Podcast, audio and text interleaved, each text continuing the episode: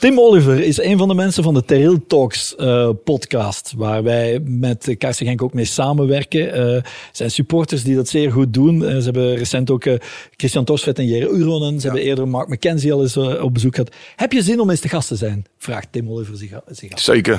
Maar dat wordt wel het nieuwe seizoen. Ja. Dan ik. Bij deze, Ja. Tim Oliver. tot Afgesproken.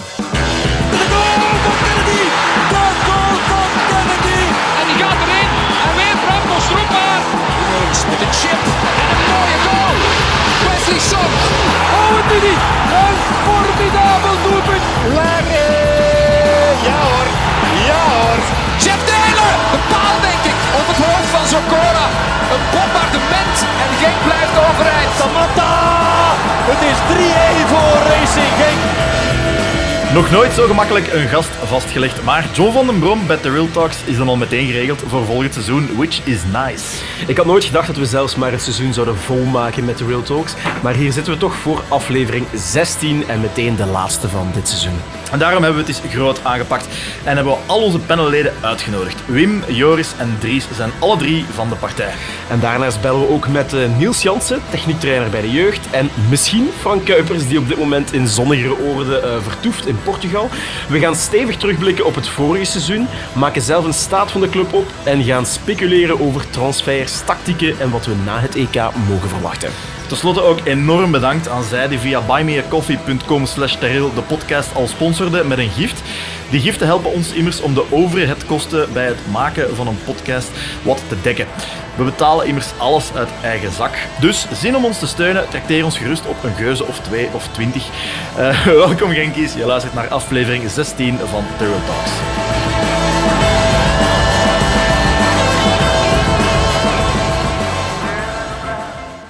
Het is hier gezellig. eh, druk aan de, de tafel en online. We zitten hier eh, op een boogschuit van het stadion in, het, eh, in de tuin, allee, op het overdekt terras van mijn schoonouders. Ja, inderdaad. Dus, het begint toch al naar een, een studio te neigen. Dus ik Ja, vind het toch wel... komt al- komt het komt al aan de buurt. Maar ja. opnieuw, als je een hond hoort blaffen, als je een, een vlieger hoort van Zwartberg, een grasmaaier, het hoort er allemaal bij. Joris is er dus virtueel bij vanuit het verre Hamburg. En dan Wim en Dries. Het zou zomaar de gespleten persoonlijkheid van een politicus kunnen zijn. Die zitten hier gewoon mee op terras op de dag dat de zomer eindelijk eh, komt piepen. Ik ga beginnen met de heren die er eh, in real life bij zitten. Hoe is het ermee? Heel goed, heel goed. Eh, ja, zoals gezegd, hè, de zomer is begonnen, dus eh, we, zijn er, we zijn er helemaal klaar voor. Hè. We hebben een heel mooi seizoen afgesloten net en eh, Ja. De zon komt piepen. Ik heb net eh, mijn eerste voetbaltraining gehad, eh, dus ik ben eh, zo blij als een klein kind. Dus- En, en hoe verliep die voetbaltraining? Ja, heel goed. Ik denk, eh, de, de training was, eh, was behoorlijk zwaar en het terras achteraf ook. Dus Moeilijk opstaan, Ja. wist je me zojuist Ja. even te Ja. vertellen. En Dries, hoe heb jij de laatste weekend gesleten? Ja, zeer goed. Hè. Zeven dagen geleden, die, die fantastische zege daar op Jan Breidel. Nu, voor mij persoonlijk wordt het iets mindere tijd met examens natuurlijk en het EK. Krijg je met het jongste lid van, eh van de Een te moeilijke zijn. combinatie, maar met Genk is alles in orde gekomen. Hè. Dat is waar. Dat is waar. Eh, Joris, en bij u dan in het verre Hamburg, hoe is het kinder? Alles ça va, alles ça va. Ja, ehm, ook hier prachtig weer, dus eh, dat is al sowieso mooi. En om nu een ontevreden Genkie te vinden, dan ga je nog ver moeten zoeken, denk ik. Ja, ja, klopt. De vorige keer dat ik u zag, zat, zat je in een heel donkere kamer. De zon schijnt daar nu volop, zie ik, dus dat is mooi. Mooi om te zien. Voet, een voetballoze periode, maar zijn we aan het uitkijken naar het EK al? Ja, voetballoos, voetballoos. Misschien eerst om te beginnen. We hebben gisteren de Champions League finale gehad. ja. En het uitvallen van Kevin De Bruyne. Ik hoop wel niet dat dat implicaties gaat hebben of zo voor het, eh, voor het EK. Gebroken neus en gebarsten oorkas of zoiets. Ja, en binnen dus twee weken met een masker- eerste wedstrijd op EK. Dus, eh, Ja, ik weet ja, niet. volgens, eh, volgens het laatste nieuws, het laatste nieuws kopte net dat het EK niet in gedrang kwam. dus eh, hij mag niet te veel ballen koppen, maar voor de rest kan hij wel nog alles. Ja. Oké, ja, wat nog altijd steeds meer is dan, eh, Ja, dan. Dus eh, Ja, wat, wat denken we voor het, voor het EK? Eh, als ik heel eerlijk mag zijn, ik, ehm, we, we gaan nu moeten oogsten, zeker en vast. Maar ik vrees er eigenlijk wel een beetje voor als we ons parcours gaan kijken.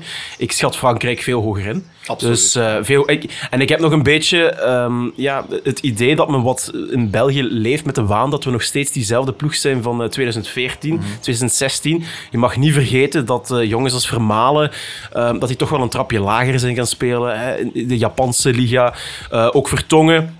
Doet het goed bij Benfica, maar is toch ook wel een beetje op retour. Dus ik denk zeker in de verdediging gaan we, is het nog niet stabiel en, en kwalitatief genoeg, denk ik, om een resultaat te gaan, te gaan halen. De naaier opnieuw doet het goed, maar zit ook nog maar bij een, ja, een, een subtopper hè, als Lyon. Dus ik denk gewoon dat we onze huidige generatie duivels wat overschatten. En ik denk dat ik blij zou zijn met een, een kwartfinale of zo, of een halve finale. Zal een klein beetje van het parcours afhangen ook inderdaad. Ik denk, sluit me daar wel bij aan. Ik heb, eh, ik denk net zoals iedereen, wel schrik voor onze verdediging. Eh, waar zeker wat voor te zeggen valt, hè, dat, die, dat die bij hun eigen ploegen niet meer zo top-top zijn als ze dat eh, misschien vier jaar of twee jaar geleden eh, wel waren. Ehm, maar eh, ja, weet je, het, een ploeg kan ook wel groeien in, in, in, in een toernooi. En, en als een denier goed is, en we hebben het geluk dat we Frankrijk niet tegenkomen voor de finale. Kunnen we die finale wel, wel halen. En dan, ja, dan is alles mogelijk. Dus ja, ik ben niet negatief. Maar eh, ja, langs de andere kant, ik vind Portugal en Frankrijk eh, inderdaad wel eh, sterker dan ons. Ja, en Spanje wordt ook wel eh, hoog absoluut. ingeschat dit jaar. Hè. En Duitsland, ja, een hobbelig parcours naar het EK toe, maar uiteindelijk toch ook heel veel individuele klassen toch in die, in die ploeg. Hè. Dus zeker en vast niet te En vergeten. typisch zo'n ploeg die ook wel groeit in het toernooi. Hè. Die, die- weet je, die voetballers zijn goed. Ook Italië trouwens, niet onderschatten. Eigenlijk voor de eerste keer terug, terug een ploeg die competitief wel wat kan brengen. Dus ja, het gaat interessant worden. Ik denk dat Portugal ook wel een gevaarlijke outsider gaat zijn. Ik denk elke topploeg in Europa heeft mom- momenteel wel een Portugees lopen die het Ja, verschil klopt. maakt. Dus ik, eh, dat is voor mij ook een dark horse. En die schat ik zeker even hoog in als België. Dus, eh, Ja, absoluut. ik weet niet wat jij denkt. Ja, zeker. En dan Engeland en Nederland nog niet vergeten ook. Ja. Eh, ik denk, als we vorig jaar het EK speelden, dat we misschien eh, iets, onszelf iets hoger konden inschatten. Maar dit jaar ook met, met Witzel, Hazard, die absoluut niet op niveau is.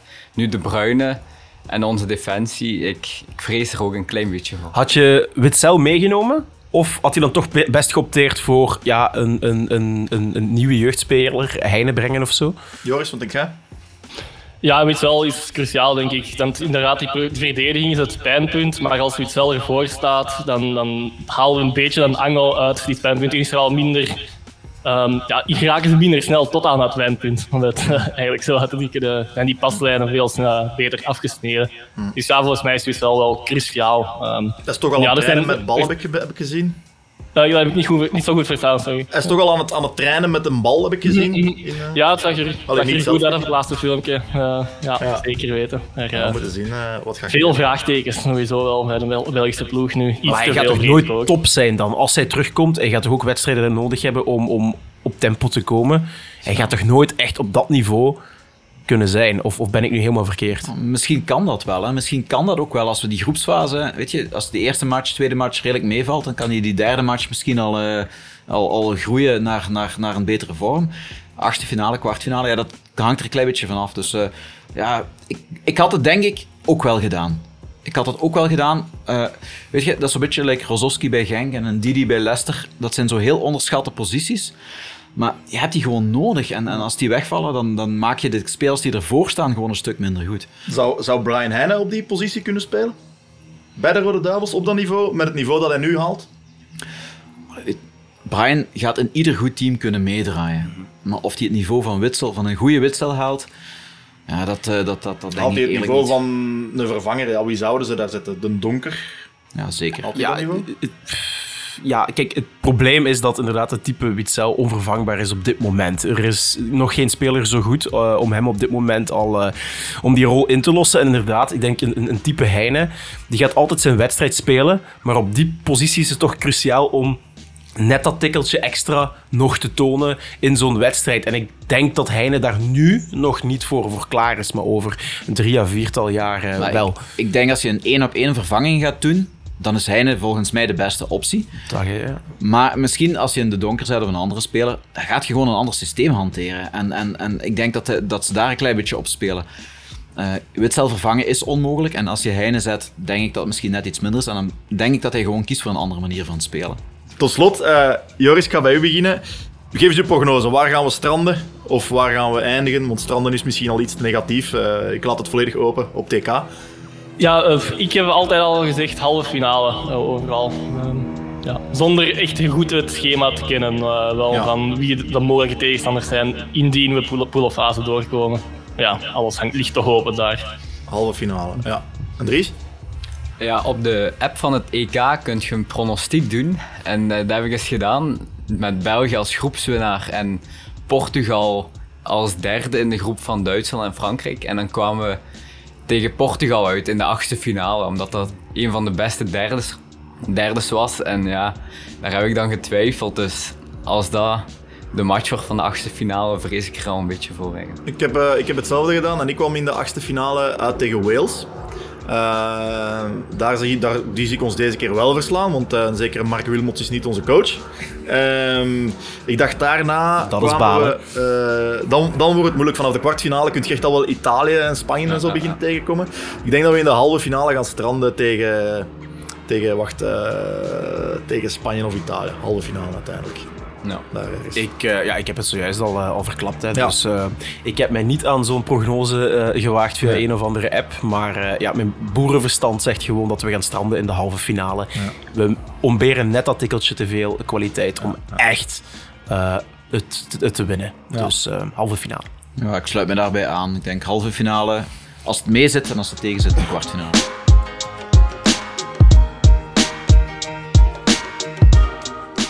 Genoeg over de Rode Duivels, heren. Want ja, laten we toch ook eens eventjes terugblikken op dit fantastische seizoen wat we hebben mogen doormaken. Van de grootste dalen naar de grootste pieken. Eh, alles is de revue gepasseerd. Ehm, misschien ja, bij, bij onze, onze panelleden beginnen. Wat, hoe hebben jullie het seizoen ervaren? Ja, het was, een, het was een heel wisselend seizoen. Ik herinner me nog een slechte start. Met dan onmiddellijk die trainerswissel. Dan, dan ging het weer wat beter met onze Deense vriend, die dan het, het ruime softcourse natuurlijk. en dan, ehm, ja, dan ging het nog altijd wat op en af. Om dan uiteindelijk in Charleroi, de grote ommekeer zie ik toch wel in Charleroi met de goal van Torsvet. En dan de bekerwinst. Dus eind goed, al goed, maar liefst niet meer zo'n seizoen eigenlijk. Was voor u Charleroi ook de grote ommekeer? Ja, toch wel. Ik, ik denk ook dat we, dat we daar geluk hebben gehad gewoon om die goal te maken. Want als ik zo hier en daar hoor als Van den Brom dan buiten lag, Ja. dan, eh, dan had het helemaal anders kunnen uitdraaien. Maar nu, oké, eind goed, al goed. Ja. Ja, ik sluit me daar eigenlijk eh, wel bij aan. Ik vond, er waren zo'n paar kantelmomenten dit seizoen. Eh, Beerschot eh, vond ik eh, away vond ik, eh, vond ik verschrikkelijk. Dat was het, misschien het dieptepunt. eh, punt, ja, ja, ja. Eh, toen moest de kelk eh, tot op de bodem leeg. En eh, er zijn een aantal kantelmomenten in de andere richting geweest. Dan weer Charleroi hebben we inderdaad gehad, de, de, trainers ontslagen. Eh, maar ook, weet je, die, die, die wedstrijd verliezen in de laatste minuut tegen Antwerpen was voor mij ook zo een kantelmoment. Wat misschien in mijn ogen, het zit zo'n beetje in mijn achterhoofd, er misschien ook wel voor gezorgd heeft dat we die bekerfinale dan weer zo vlot gewonnen hebben. Eh, en dan eh, die goede play-offs hebben gespeeld. Dus ja, ik- het, was, het was een eh, seizoen met ups en downs. Maar ik denk dat we gewoon mogen concluderen dat we weer een heel leuke ploeg hebben. En dat er, dat er wat is om naar uit te kijken volgend jaar. Ja, ik ik denk dat we de punten eigenlijk zelfs twee keer bij Beerschot kunnen leggen. Het eerste dieptepunt, dat duidelijk, ja, die 5-2. En dan helaas verliezen we die tweede wedstrijd ook, maar dat was de wedstrijd voor Charleroi. En daarin was het spel wel een heel pak beter. En ja, helaas scoort Van den Berg daar een goal die hij waarschijnlijk nooit meer gaat Die nooit maken. doen. Zelfs op training gebeurt dan in echt... Maar, eh, ja, daar, daar was het een beetje. Ik denk dat daar eigenlijk dan die, die wedstrijd net, eh, er nog net voor gezorgd heeft dat Van den Boom toch nog net niet buiten lag. En dan daarna is het gelukkig wel gekeerd. Dus ja, du- duidelijk ja, een, een Dus- heel raar seizoen. Dus als, er, als die tegengoal was gevallen volgens een heel uitgekookte, tactische, perfecte aanval, was Van den Brom misschien wel buiten gevlogen. Nee, dat nee, het nee, gewoon ik lag aan, de- aan de aard van... wedstrijd. De wedstrijd in zijn Ah, geheel. eh, dat, eh, ja, dat daar het spelbeeld eh, van Genk op zich wel Mhm. goed genoeg was om hem dan in het zaal te houden. Maar het blijft toch wel een, een raar fenomeen, hè? Dat, we, dat we toch nog tweede worden. Dat we de beker winnen. Terwijl we ja, een viertal trainerswissels eigenlijk hebben gehad. We hebben vier trainers gehad dit seizoen. Dat is ongezien eigenlijk. Hè? Dat je dan toch nog zo'n eh, resultaat kan eh, behalen. Zeker weten dat ook eh, John van den Brom bijna op de wip zat. Hoe, ver, hoe verklaar je dan toch dat we, dat we toch zo'n zo- goed seizoen gedraaid hebben uiteindelijk? Als ik mag inpikken, ik denk, ehm, ik denk dat elke trainer wel iets heeft bijgedragen aan dit Genk. Zelfs, zelfs Hannes Wolf. In het begin van het seizoen, Hannes Wolf predikte die gegenpress. En die gegenpress, dan moet je fysiek zijn. De spelers waren fysiek sterk, we zagen dat ook. Het feit dat John van den Brom heel, tot heel ver in het seizoen eh, zijn, zijn eigen wisseltactiek, wat er eigenlijk bijna geen is, heeft kunnen gebruiken, is omdat ze zo scherp zijn, omdat ze fysiek waren wij bij de beste van België. Fysiek qua, qua uithouding, wil ik dan zeggen. Hè. Ehm, dus ik denk dat dat is bijgedragen. Dat is iets wat, wat, wat Wolf heeft bijgedragen. Ik denk wat Torup dan heeft bijgedragen, is kijken van waar zijn we sterk in, uh, waar blinken we uit, hoe spelen we naar onze kwaliteiten. Meer de, de, allee, niet zijn systeem willen dwingen op de jonge spelersgroep, wat dat Wolf wel heeft gedaan. Hebben we ook gehoord wat dat, wat dat zei, zei erover in de vorige aflevering. Maar wel gezegd van, wat kun je goed en we passen de tactiek daaraan aan. En ik denk dan ook wat, wat, wat en dat zijn ook heren die pluimen op hun hoed verdienen, Dome en uh, Mish, de, de, twee uh, as, assistenttrainers, hebben het geloof wel teruggebracht van, kijk jongens, het ligt niet, het ligt niet aan, aan jullie kwaliteit, jullie kunnen het. Dus zelfs op momenten dat we diep zaten, zij namen over, konden we, konden we het ineens wel.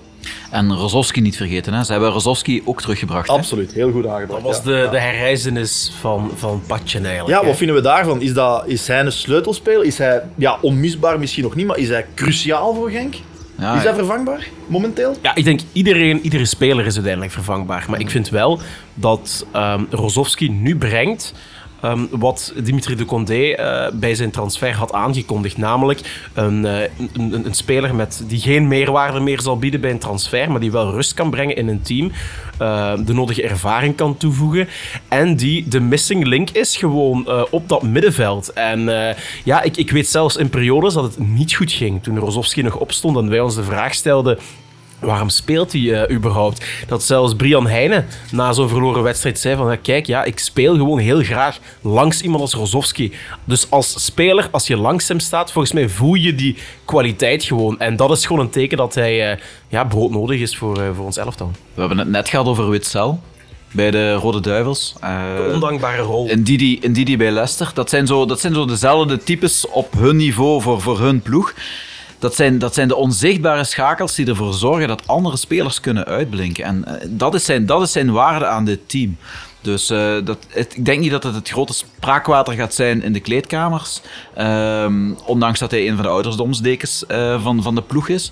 Maar ik denk Dat wel... zijn 92 lentes. Ja. in- Insider mopgevoel zijn die de vorige aflevering hebben, ge- hebben geluisterd. Maar ik, ja, ik denk dat hij gewoon heel erg belangrijk is voor, voor dit ploeg. En, en dat iedereen dat ook wel ziet en, en aanvaardt en voelt. Nu, ik herinner me wel voor de, voor de bekerfinale zag ik bij Inside the Cup dat, dat hij wel de, de spelersgroep aanvuurde. En dat hij de speech eh, voor zijn rekening nam. Dus, Klopt, heel goed opgemerkt, ja. dus ik denk wel dat hij ook, ook die jonge spelers kan meetrekken, kan meenemen. En, en uiteindelijk toch ja, ook de meest onderbelichte persoon is van, van de competitie misschien. En was ook nodig hè, na het eh, vertrek van eh, Danny Vukovic dat zo iemand dan opstond. Ik kijk naar u, Joris, als, als je hier iets aan wilt toevoegen. Ja, ja, gewoon ook dat het eigenlijk zelfs twee keer de herreizenis van Horozovski is, geweest. Want ook in die periode waarin de, resultaten van de ploeg slecht waren, viel hij meer wel dan niet uit de ploeg of speel- viel hij enkel in. Wat eigenlijk redelijk onverklaarbaar was voor mij wel, waarom hij ineens terug uit de ploeg verdween. Ehm en een beetje de zondebok leek alweer, maar eh, is er wel, hij is ook altijd heel professioneel gebleven, zelfs in die periodes. En ehm, ja, is- zijn mentaliteit, dus denk ik, is dat ook wel heel erg ja, overgedragen wordt naar de groep. Eh, dat lijkt, blijkt ook wel uit wat, de andere, wat we van anderen horen. Ja.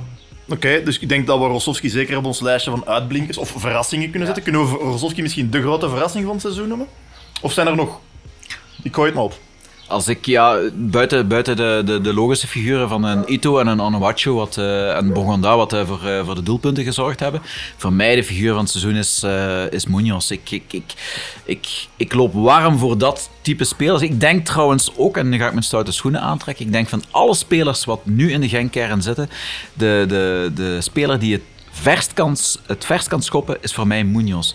Ik zie hem bij Atletico Ah, op. ik, heb, ik wou net hetzelfde zeggen. Ik zeg, zet Munoz, gezegd, ja. zet, zet Munoz vandaag bij Atletico en die draait daar 100% mee. En ik denk dat eh eh Simeone...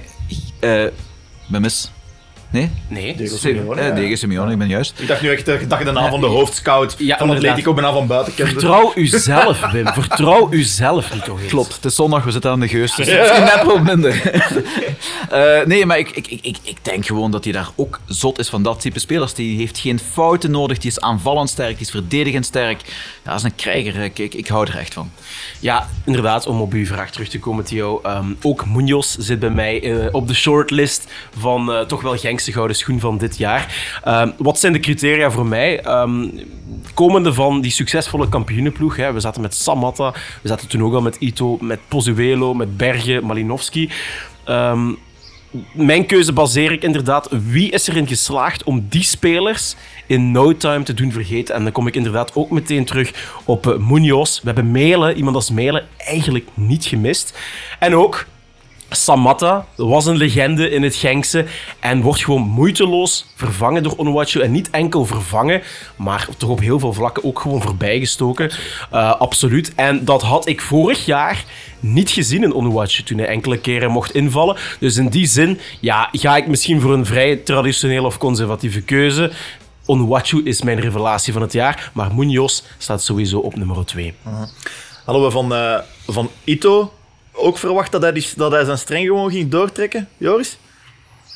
Ja, die had zijn waarde natuurlijk al wel bewezen. Het, is, het was ook zo, allee, was, ik vraag het. Was minder constant, hij is veel constanter geworden in die Voilà, ik vraag het omdat hem in, in, in het begin van het seizoen was hem mee aan het slabakken, maar uiteindelijk, ja, heel België is er ineens lovend van. Dus daarmee dat ik het, Ja, dat ik het vroeg. eh, zelfs toen dat hij al af en toe een verlies zoals eh, het doelpunt tegen OA Leuven, eh, waarin die, denk ik, die wedstrijd, het is wel lang geleden, maar volgens mij is hij helemaal niet zo goed in die wedstrijd, maar hij schiet dan met zijn linker weer, gewoon, met zijn mindere voet, ja, Fenomenaal geworden. fenomenaal binnen. En ja, hij heeft altijd wel die verliezen gehad, maar hij is er veel, hij is veel constanter geworden. Die komen veel vaker voor nu en ja, dat is, eh, ja, dat is eh, ik, had het, ik heb het altijd wel voor Ito gehad, uh, sowieso. Maar uh, ja, dat hij dit nog ging brengen, dat staat er altijd wel in, maar het, het is wel.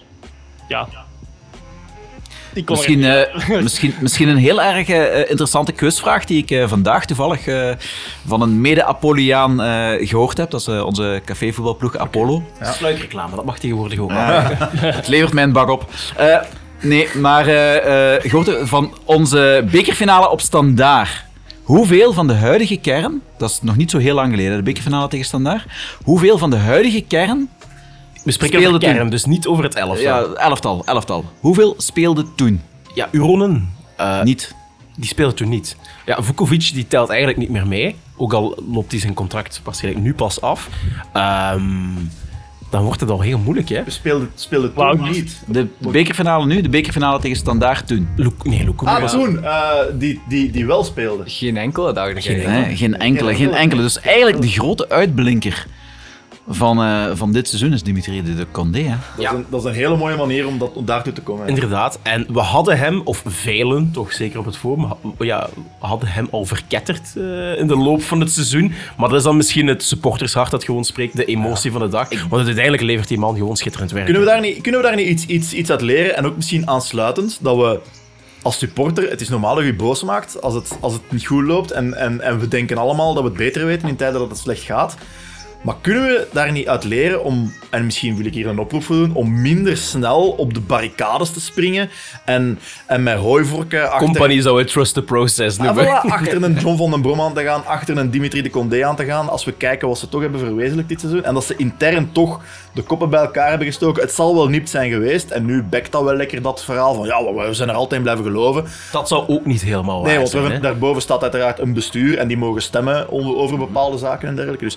Um, maar moeten we, moeten we meer vertrouwen hebben in onze club? Is dat niet een les voor ons als supporters, algemeen? Ik denk sowieso, maar dat, dat, dat, dat is een gegeven bij elke club. Je hebt gewoon supporters en je gaat altijd na een verloren wedstrijd. Uh, ga je heel zwart, uh, zwart ja, ga je dat zwart niet, moeten, we, doen, moeten, doen, we niet, moeten we niet wat minder snel zeggen van ja, Dimi moet buiten als we twee keer op rij verloren hebben, bij wijze van spreken? Mag ik, mag ik niet contrair zijn? Doe maar. Ik vind van niet eigenlijk. Nee? Ik vind dat is sport is emotie. Uh, naar, naar Genk gaan kijken is emotie.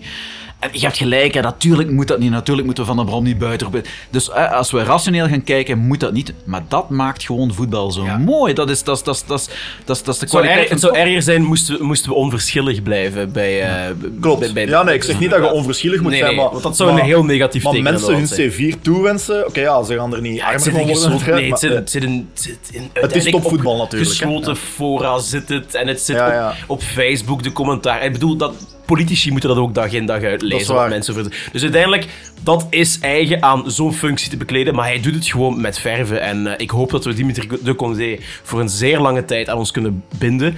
Het lukt ook wel dat hij eh, ja, toch wel een, eh, een blauw hart eh, heeft. Want anders was hij al lang weg. Want Ja. eh, ze zitten hem echt wel langs alle kanten proberen hem binnen te halen. Antwerp onder meer. Die wel met Brian Priske, dat even terzijde, een, een zeer interessante trainer in huis hebben gehaald. Misschien een wissel voor het oog op de toekomst. Maar nu we het over emotionaliteit hebben, trainers.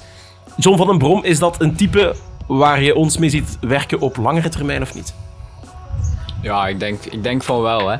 Ehm, als we naar zijn werk bij Anderlecht hebben gekeken, dan zien we wel dat hij dat hij die spelers op lange termijn wel kan meekrijgen en, en bij zich kan houden ook wel. Ehm, ik denk dat hij een heel goede band heeft met de groep. En dat dat, dat dat allemaal met de supporters ook, hebben we gezien eh, vorige week. Dat speelt allemaal mee. En ik denk wel dat we ook uit dit seizoen leren dat we bij mindere resultaten nu niet meer iemand moeten gaan ontslaan onmiddellijk of, ehm, of ja, moeten verketteren. We moeten, we moeten die aan het roer houden en dan zien waar we uitkomen. Dus. Extra. Extra. Heren, we hebben het voorbije seizoen heel wat trainerswissels gehad. Ehm, van den Brom, volgend seizoen, hoe zien we dat? Gaat hij lang blijven of niet? Ja, ik, ik hoop van wel uiteraard. Hè. Ik, eh, ik, hoop dat we onze trainer wat langer kunnen houden dan... eh, weet je, we, krijgen in België een heel erg, heel erg slecht eh, imago qua, qua trainerverloop. Ja, en of dat terecht is of niet terecht, ja, dat, dat, zal een beetje moeten blijken. Ik ben heel blij dat de, de Condé dit jaar een beetje op de rem gestaan, ges- gestaan heeft en dat we de, Van den Brom gehouden hebben.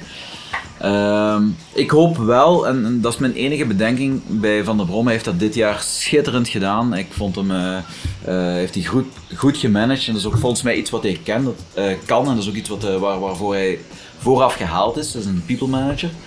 Ehm, ik hoop wel dat hij, als het volgend jaar wat tegen zit, dat, dat hij dan die klik ook weer kan blijven maken en dat hij niet te zeer begint te panikeren. Want eh, ook dat merkten we dit seizoen wel weer. Hij, hij wordt dan wat nukkig en, en, en ik hoop dat dat... eh, Dat dat uitblijft. Hè. Ja, ik had dat ook wel bij, eh, bij John van den Brom. ehm, zo vaak het idee van dat het nu wel een, een goed nieuwsshow is. En dat, dat zei Johan Boskamp ooit ook, ook over Mario Been. Van als alles goed gaat, ja, dan begint alles ineens te, ineens te draaien. En men weet niet hoe, maar, maar alles kent een positief verloop. En ik heb gewoon schrik dat we in de loop van volgend seizoen misschien ook weer op een punt gaan botsen. Dat het eh, niet meer vanzelf gaat. En eh, ja, dat het dan weer ineens op een heel korte, korte tijd weer bergaf kan gaan. En daarom was ook een beetje mijn, mijn vraag van, ja, wat doe je als club? Begin je toch met Van den Brom? Ja, dan ben je eigenlijk verplicht na zo'n seizoen. Of, of ga je toch voor een controversiële keuze met het oog op volgend seizoen te oogsten? Nu, ik ga nog heel even op inpikken, dan, eh, dan laat ik het ook absoluut aan iemand anders. Maar eh, het, is, het is effectief wel zo. Ik denk dat hij qua persoonlijkheid wel heel goed bij de club past. Ik denk dat hij een, dat hij een warm man is. Ehm, ja, weet je, ik denk wel dat iedereen binnen de club een heel goed gevoel heeft bij John van den Brom. Eh, hij heeft het uiteindelijk ook maar gedaan hè, eh, met, met, met deze spelersgroep. Dus hij gaat zeker die kansen krijgen. Ik hoop gewoon dat hij bij ons ook, gelijk al zoveel spelers eh, voorheen al bij ons, eh, kan doorgroeien tot, eh, tot echt eh, ja, tot een heel, heel mooi verhaal. En misschien hopelijk in zijn langdurig verhaal. We gaan het eens hebben over de doorstroming van de jeugd en eh, hoe tevreden men daar is. We bellen. eh allee, we bellen. We hebben Niels Jansen aan de lijn. Niels, eh jij waart een keer te gast in aflevering 4. Eh, dat was een hele toffe aflevering. Goedemiddag trouwens. Heel onbeleefd van mij. welkom, welkom terug bij The Real Talks in deze ja, gestoffeerde aflevering. We zijn we- het is precies al met 20 man aan het... Ja, het is dat. Een vol stadion. een zeer vol stadion, ja, voilà. Ja. Nee, Niels, ehm, ja, het was een seizoen zonder competitievoetbal voor de jeugd. Hoe is dat, hoe is dat gegaan? Ja, ik denk dat we allemaal weten dat het een heel speciaal seizoen is geweest. Uh, de jongens hebben, hebben heel weinig wedstrijden, tot geen toernooien gespeeld en dergelijke. Dus we hebben op een creatieve manier toch met die jongens moeten omgaan. Om, om tijdens de lockdowns ook te, te trainen in kleine groepjes. Om ze gemotiveerd te houden. En om ze toch wel stappen in ontwikkeling te laten, laten maken. Uh, maar dat heeft, uh, is zeker niet altijd uh, even goed gelukt. omdat, omdat die jongens er natuurlijk naar uitkijken om in het weekend een wedstrijd te spelen. En te sparren tegen andere tegenstanders. Dus het is zeker geen simpel seizoen geweest, maar we hebben er proberen het beste van te maken. Ja, uh, Niels, um, ja, hoe tevreden zit je eigenlijk van de ontwikkeling van de, van de jongeren in onze A-kern uh, in, het, uh, in het voorbije seizoen? Is het wat je ervan verwacht had of niet? Ik denk als we in het algemeen kunnen kijken dat we een schitterend seizoen hebben gehad. Hè? wie had dat enkele maanden geleden gedacht dat we de beker in handen zouden hebben en dat we de, de tweede plaats zouden bereiken in de competitie. Dus rekening daarmee houdende wetende dat we in de goal toch onze nieuwe nummer 1, Maarten van der Voort, echt een mhm. jeugdspeler, hebben staan die het zeer aardig heeft gedaan. Die onder andere, als ik me herinner, nog een penalty pakt van Van Aken, de beker meewint. Als ik dan Brian Heijnen zie die de beker in de lucht steekt in het Heizelstadion, dat vind ik toch fantastische momenten. Als ik dan zie dat jongens gelijk een, een, een uh, Luca Ooyen toch nog kan proeven uh, in het verhaal, wetende dat uh, Torstvet zich enorm gemanifesteerd heeft, uh, dat Onwachu, Onwanda Ito toch ook van bepaalde kalibers zijn, ja, dan, dan denk ik dat we heel tevreden mogen zijn wel van dit seizoen. Ja, Luca ineens. Hè. De naam valt er meteen Luca Ooyen. Dat was toch een beetje altijd het paradepaardje onder de supporters. Um, als we eventjes inzoomen op hem. Um, is dit wat je, wat, je van hem had verwacht dit seizoen? Um, want hij is, ja, na die wedstrijd tegen Mechelen leek hij eventjes voor een heel korte periode incontrollabele. Maar ging dan weer uit de ploeg. is het voor hem nog eventjes in de wachtkamer blijven? Of, of is hij eigenlijk toch ook al klaar voor het grote werk? Ja, ik denk dat we zeker niet mogen vergeten dat het echt nog wel om jonge jongens gaat. Die jongens die hebben zeker wel talent en kwaliteit. Uh, maar met die druk wat er dit seizoen toch wel is geweest, is het ook niet de bedoeling dat we die jongens gaan opbranden. En als die dan bijvoorbeeld even een tegenvallende prestatie heeft, dat die helemaal onderuit zakken. Dus ik vind het zeer goed dat dat met momenten dat die jongens met momenten eigenlijk eh, geprikkeld worden en de kans worden gegeven. En stap voor stap zullen die jongens er wel, wel doorkomen. Daar ben ik van overtuigd. Want uh, kwaliteit en talent heeft Luca Ooyen bijvoorbeeld genoeg.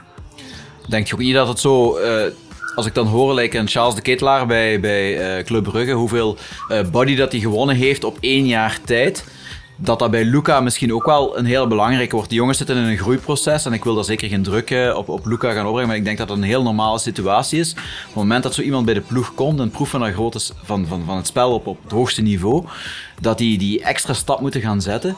Maar dat, dat heeft ook een klein beetje met fysieke te maken. Want ik, ik, ik vind, ik, ik zie Luca heel graag spelen. Je ziet dan die balbehandeling dat het allemaal heel erg goed is. Maar je merkt zo dat dat fysieke van dat spel, dat er nog in moet komen. En ja, ik, ik heb het gevoel dat hij nog zo'n beetje groter moet worden, een beetje moet groeien daarin. En dat is normaal, hè? Ik denk, uh, Charles de Ketelaar heeft dat dit jaar, die stap, uh, voor een klein stuk gezet. Hoe belangrijk is, is dat, denk je, voor, uh, voor, voor zo'n jonge spelers? Tuurlijk, heel belangrijk. Dat gaan de volgende stappen zijn die die jonge jongens moeten zetten. als we denken over spelintelligentie en techniek en dergelijke, dat zit allemaal heel goed. Maar de volgende stap is naar het mannenvoetbal gaan. Het verschil tussen jongensvoetbal jongetjes in de jeugd en het mannenvoetbal is wel degelijk. En ik denk, als we dan toch over Charlotte de Kedelaar hebben, dat dat ook wel een iets ander type nog is. Absoluut. Ooi, die wat vrijer is, wat je zelf even aangeeft. En uh, dat daar zeker uh, verder op ontwikkeld wordt. Heel mooi voorbeeld uh, vind ik zelf Brian Heijnen. Als je ziet voor zijn blessure en na zijn blessure, hoe daar op getraind is geweest, op gewerkt geweest, op, op de fysieke parameters. Als je ziet wat een lichaam dat die jongen heeft gekregen, dan denk ik dat dat een heel mooi voorbeeld is van vrij jongetje naar, naar echt toch wel, wel een hele, hele sterke kerel wat daar nu staat. man. Ja, Niels, uh, je, hebt het, je hebt het er zojuist al even aangehaald. Hè? Het verschil tussen het mannenvoetbal en het jongetjesvoetbal. Mag ik dan heel even jouw mening weten over uh, het onderbrengen van belofteteams in de tweede klasse? Ben je daar eigenlijk voor of tegen? Ik, uh, ik ben daar absoluut voorstander van. Ik vind dat daar echt wel iets moet gaan gebeuren om die jongens een extra prikkel te geven. Ehm, we spreken nu over 1B, maar ik denk zelfs een eerste amateur. Uh, dat dat ook wel een heel degelijk niveau is om die jongens te laten rijpen. En echt wel in mannenvoetbal opgaan met publiciteit, supporters, eh, omgaan met resultaat. eh, toch iets meer druk dan, eh, dan dat je bijvoorbeeld eh, ja, in, in, de beloftereeks tegen bepaalde ploegen zal spelen. Ehm, ook een vraag die ik, eh, die ik mij al stel. We hebben gezien dit seizoen, allee, vond ik dat dat enorm opviel. Ofwel hebben ze er meer over gecommuniceerd van op de club, ofwel is het mee, gewoon meer gebeurd. Jongeren die contracten hebben, hebben getekend. Ehm, ik denk dan in de eerste plaats aan, aan eh, allee, Mathis Dide, JD Geusens, eh, Andras Nemet eh, en Seko Diawara. Die zitten pas bij de, bij de A-kern. Vooral Nemet is, is, is de laatste toevoeging eraan. Ehm, ja, kun je daar iets meer over vertellen? Wat voor, wat voor spelers zijn dat bijvoorbeeld? Want we hebben die nog niet echt aan het werk gezien. Dat, dat we wel misschien onze, onze verwachtingen al wat kunnen, kunnen scheppen eh, rond, die, rond die jonggasten. Het feit dat die jongens eigenlijk eh, contracten krijgen en dat dat ook bekend wordt gemaakt, dat wil zeggen dat we daar als club wel in geloven, natuurlijk. Eh, dat die jongens bepaalde kwaliteiten hebben. Dus dat wij zeker wel toekomst zien in de verdere ontwikkeling bij ons in de club.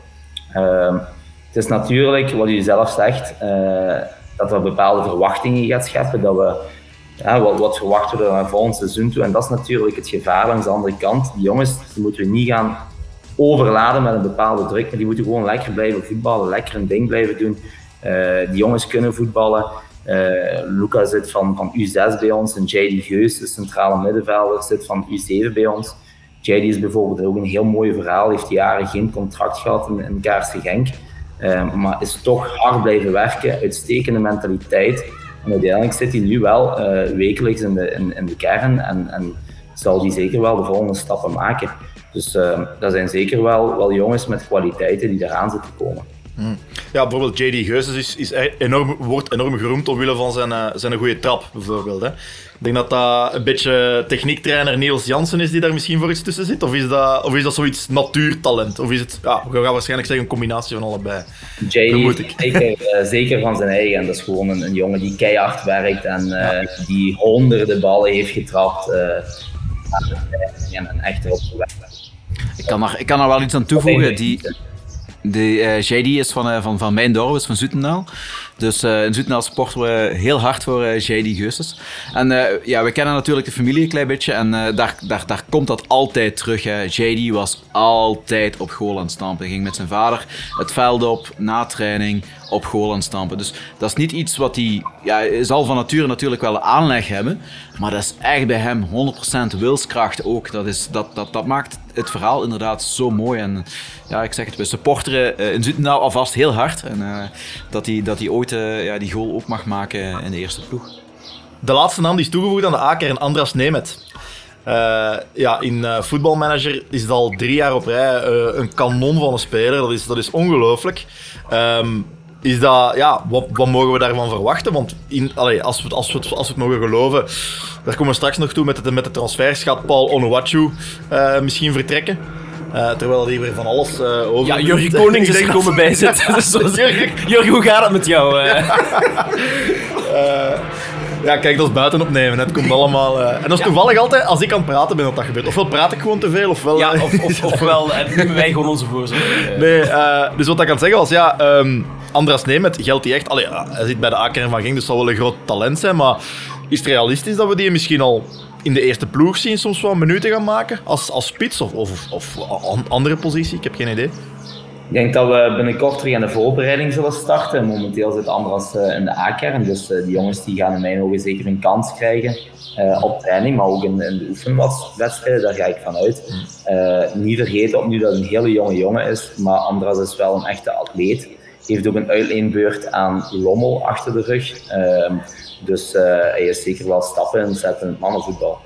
En maken jullie rond deze tijd in het seizoen zo'n soort van eindevaluatie van, van elke speler? En wordt dan gezegd van die is rijp voor de A-kern, deze niet? Ja, want dan vraag ik me af, wie zit nu echt nog in de wachtkamer voor, voor volgend seizoen?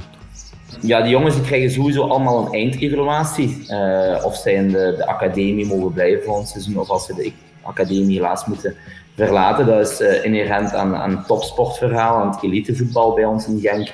Uh, ja, als we kijken naar volgend seizoen, uh, dan hebben jullie daar straks al een aantal namen opgenoemd. Jongens die de contracten hebben getekend. als ik kijk naar, naar de afgelopen maand, welke jongens dat bij ons nog contract hebben getekend, gaat het over een Faisal, een Denis, een Lucas, een Tuur, een Mike, een Sammy. Eh, dat zijn allemaal wel, wel jeugdspelers waar, waar we echt wel in geloven. Niet dat dat wil zeggen dat die volgend seizoen bij de eerste ploeg al minuten gaan maken. eh, maar dat zijn echt wel jongens eh, met, met kwaliteiten waar we in geloven natuurlijk.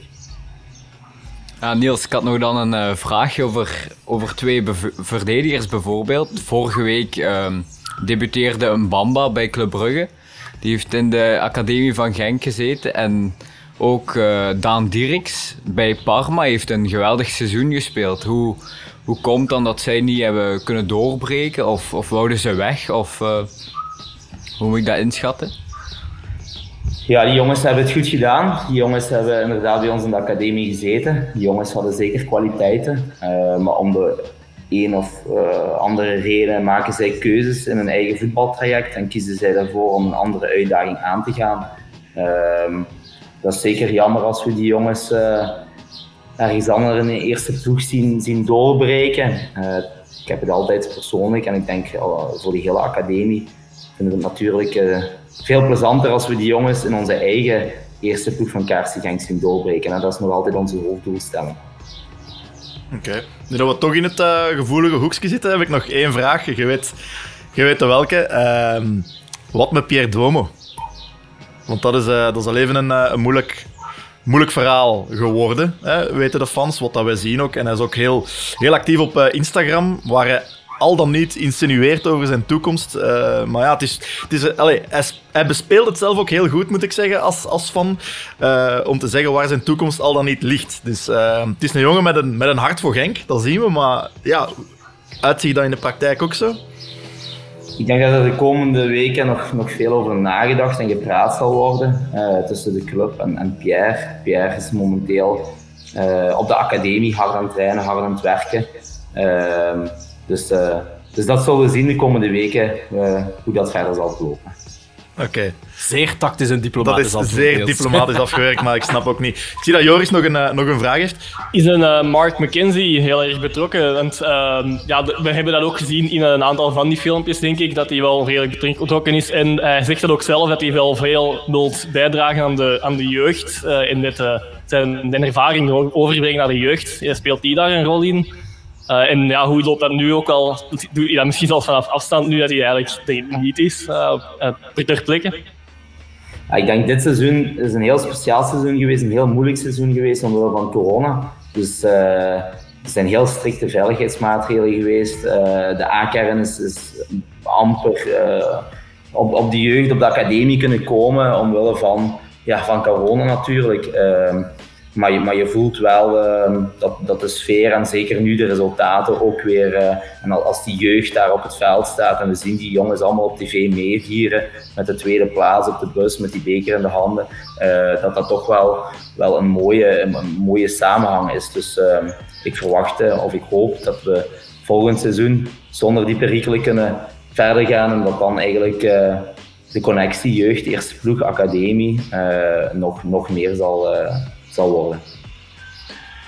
Kijken er naar uit eh, wat er gaat gebeuren. Ja, Niels, we gaan, eh, we gaan het hierbij laten. eh, want we weten ook dat jij in de examenperiode zit. Je zet natuurlijk ook leerkracht op het lyceum naast techniektrainer bij de jeugd. Dus dat gaat nog moeilijk worden. Dries, die hier aan tafel zit, krijgt geen les van u, hè, voor de duidelijkheid. Want die zit ook op dezelfde school. dat klopt. Dat klopt. En heb je nog zomerplannen? Want ja, heb je tijd om vakantie te nemen zelfs? Of, eh? Wij trainen nog tot 7, 8 juni eh, Ja. met de jeugd. En dan gaan die jongens even een examenperiode, waarna we eind juni nog een aantal keer trainen.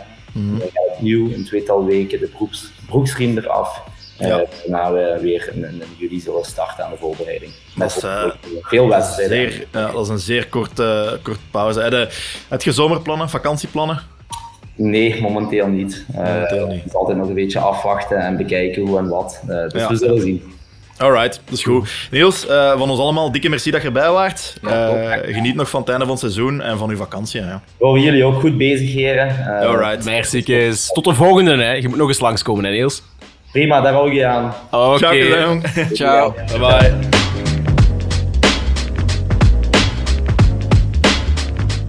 We gaan eh, aan het sappige gedeelte. Allee, sappig. eh, een van de sappige gedeeltes van onze podcast. Want heel onze aflevering is sappig, dankzij die geuzen. Ik weet niet wat ik kan Ja. zeggen, maar maakt niet uit. We gaan het hebben over transfers en eh, geruchten, vooral. Ehm, gaan we beginnen met de, nieuw- met de nieuwkomers. We kunnen beginnen met de nieuwkomers. Ik denk dat de, de meeste obvious naam om mee te beginnen Simon Jukkler is. Yes. Uh, want die tekende al um, in januari, denk ik, of december was het. Um, toch uh, ja, een, een, een, transfer die doet uh, vermoeden dat Urone andere orde gaat, uh, gaat opzoeken. We hadden Urone um, de, in de vorige aflevering ook te gast. En ja, als ik afga op het non-verbale, dan liet het toch wel goed verstaan dat hij, dat hij zijn heil wel anders gaat beproeven. Wat heel logisch is na een seizoen waar hij weinig aan, aan de bak kwam. Juklerud lijkt mij dan nog iets aanvallender misschien iets meer uh, volume dan uh, Urone, maar voor de rest toch wel vrij gelijkaardige types. Dus uh, ik denk dat Dimitri de Condé ja, gewoon daar kiest voor Artiaga en Juklerud. En dat ze het onder hun twee dan maar mogen uitmaken wie aan het langste eind trekt. Maar Artiaga doet het goed, dus ik denk dat Juklerud vanuit de underdog-positie um, de plek van Artiaga mag gaan bekampen. Hoe zien jullie dat?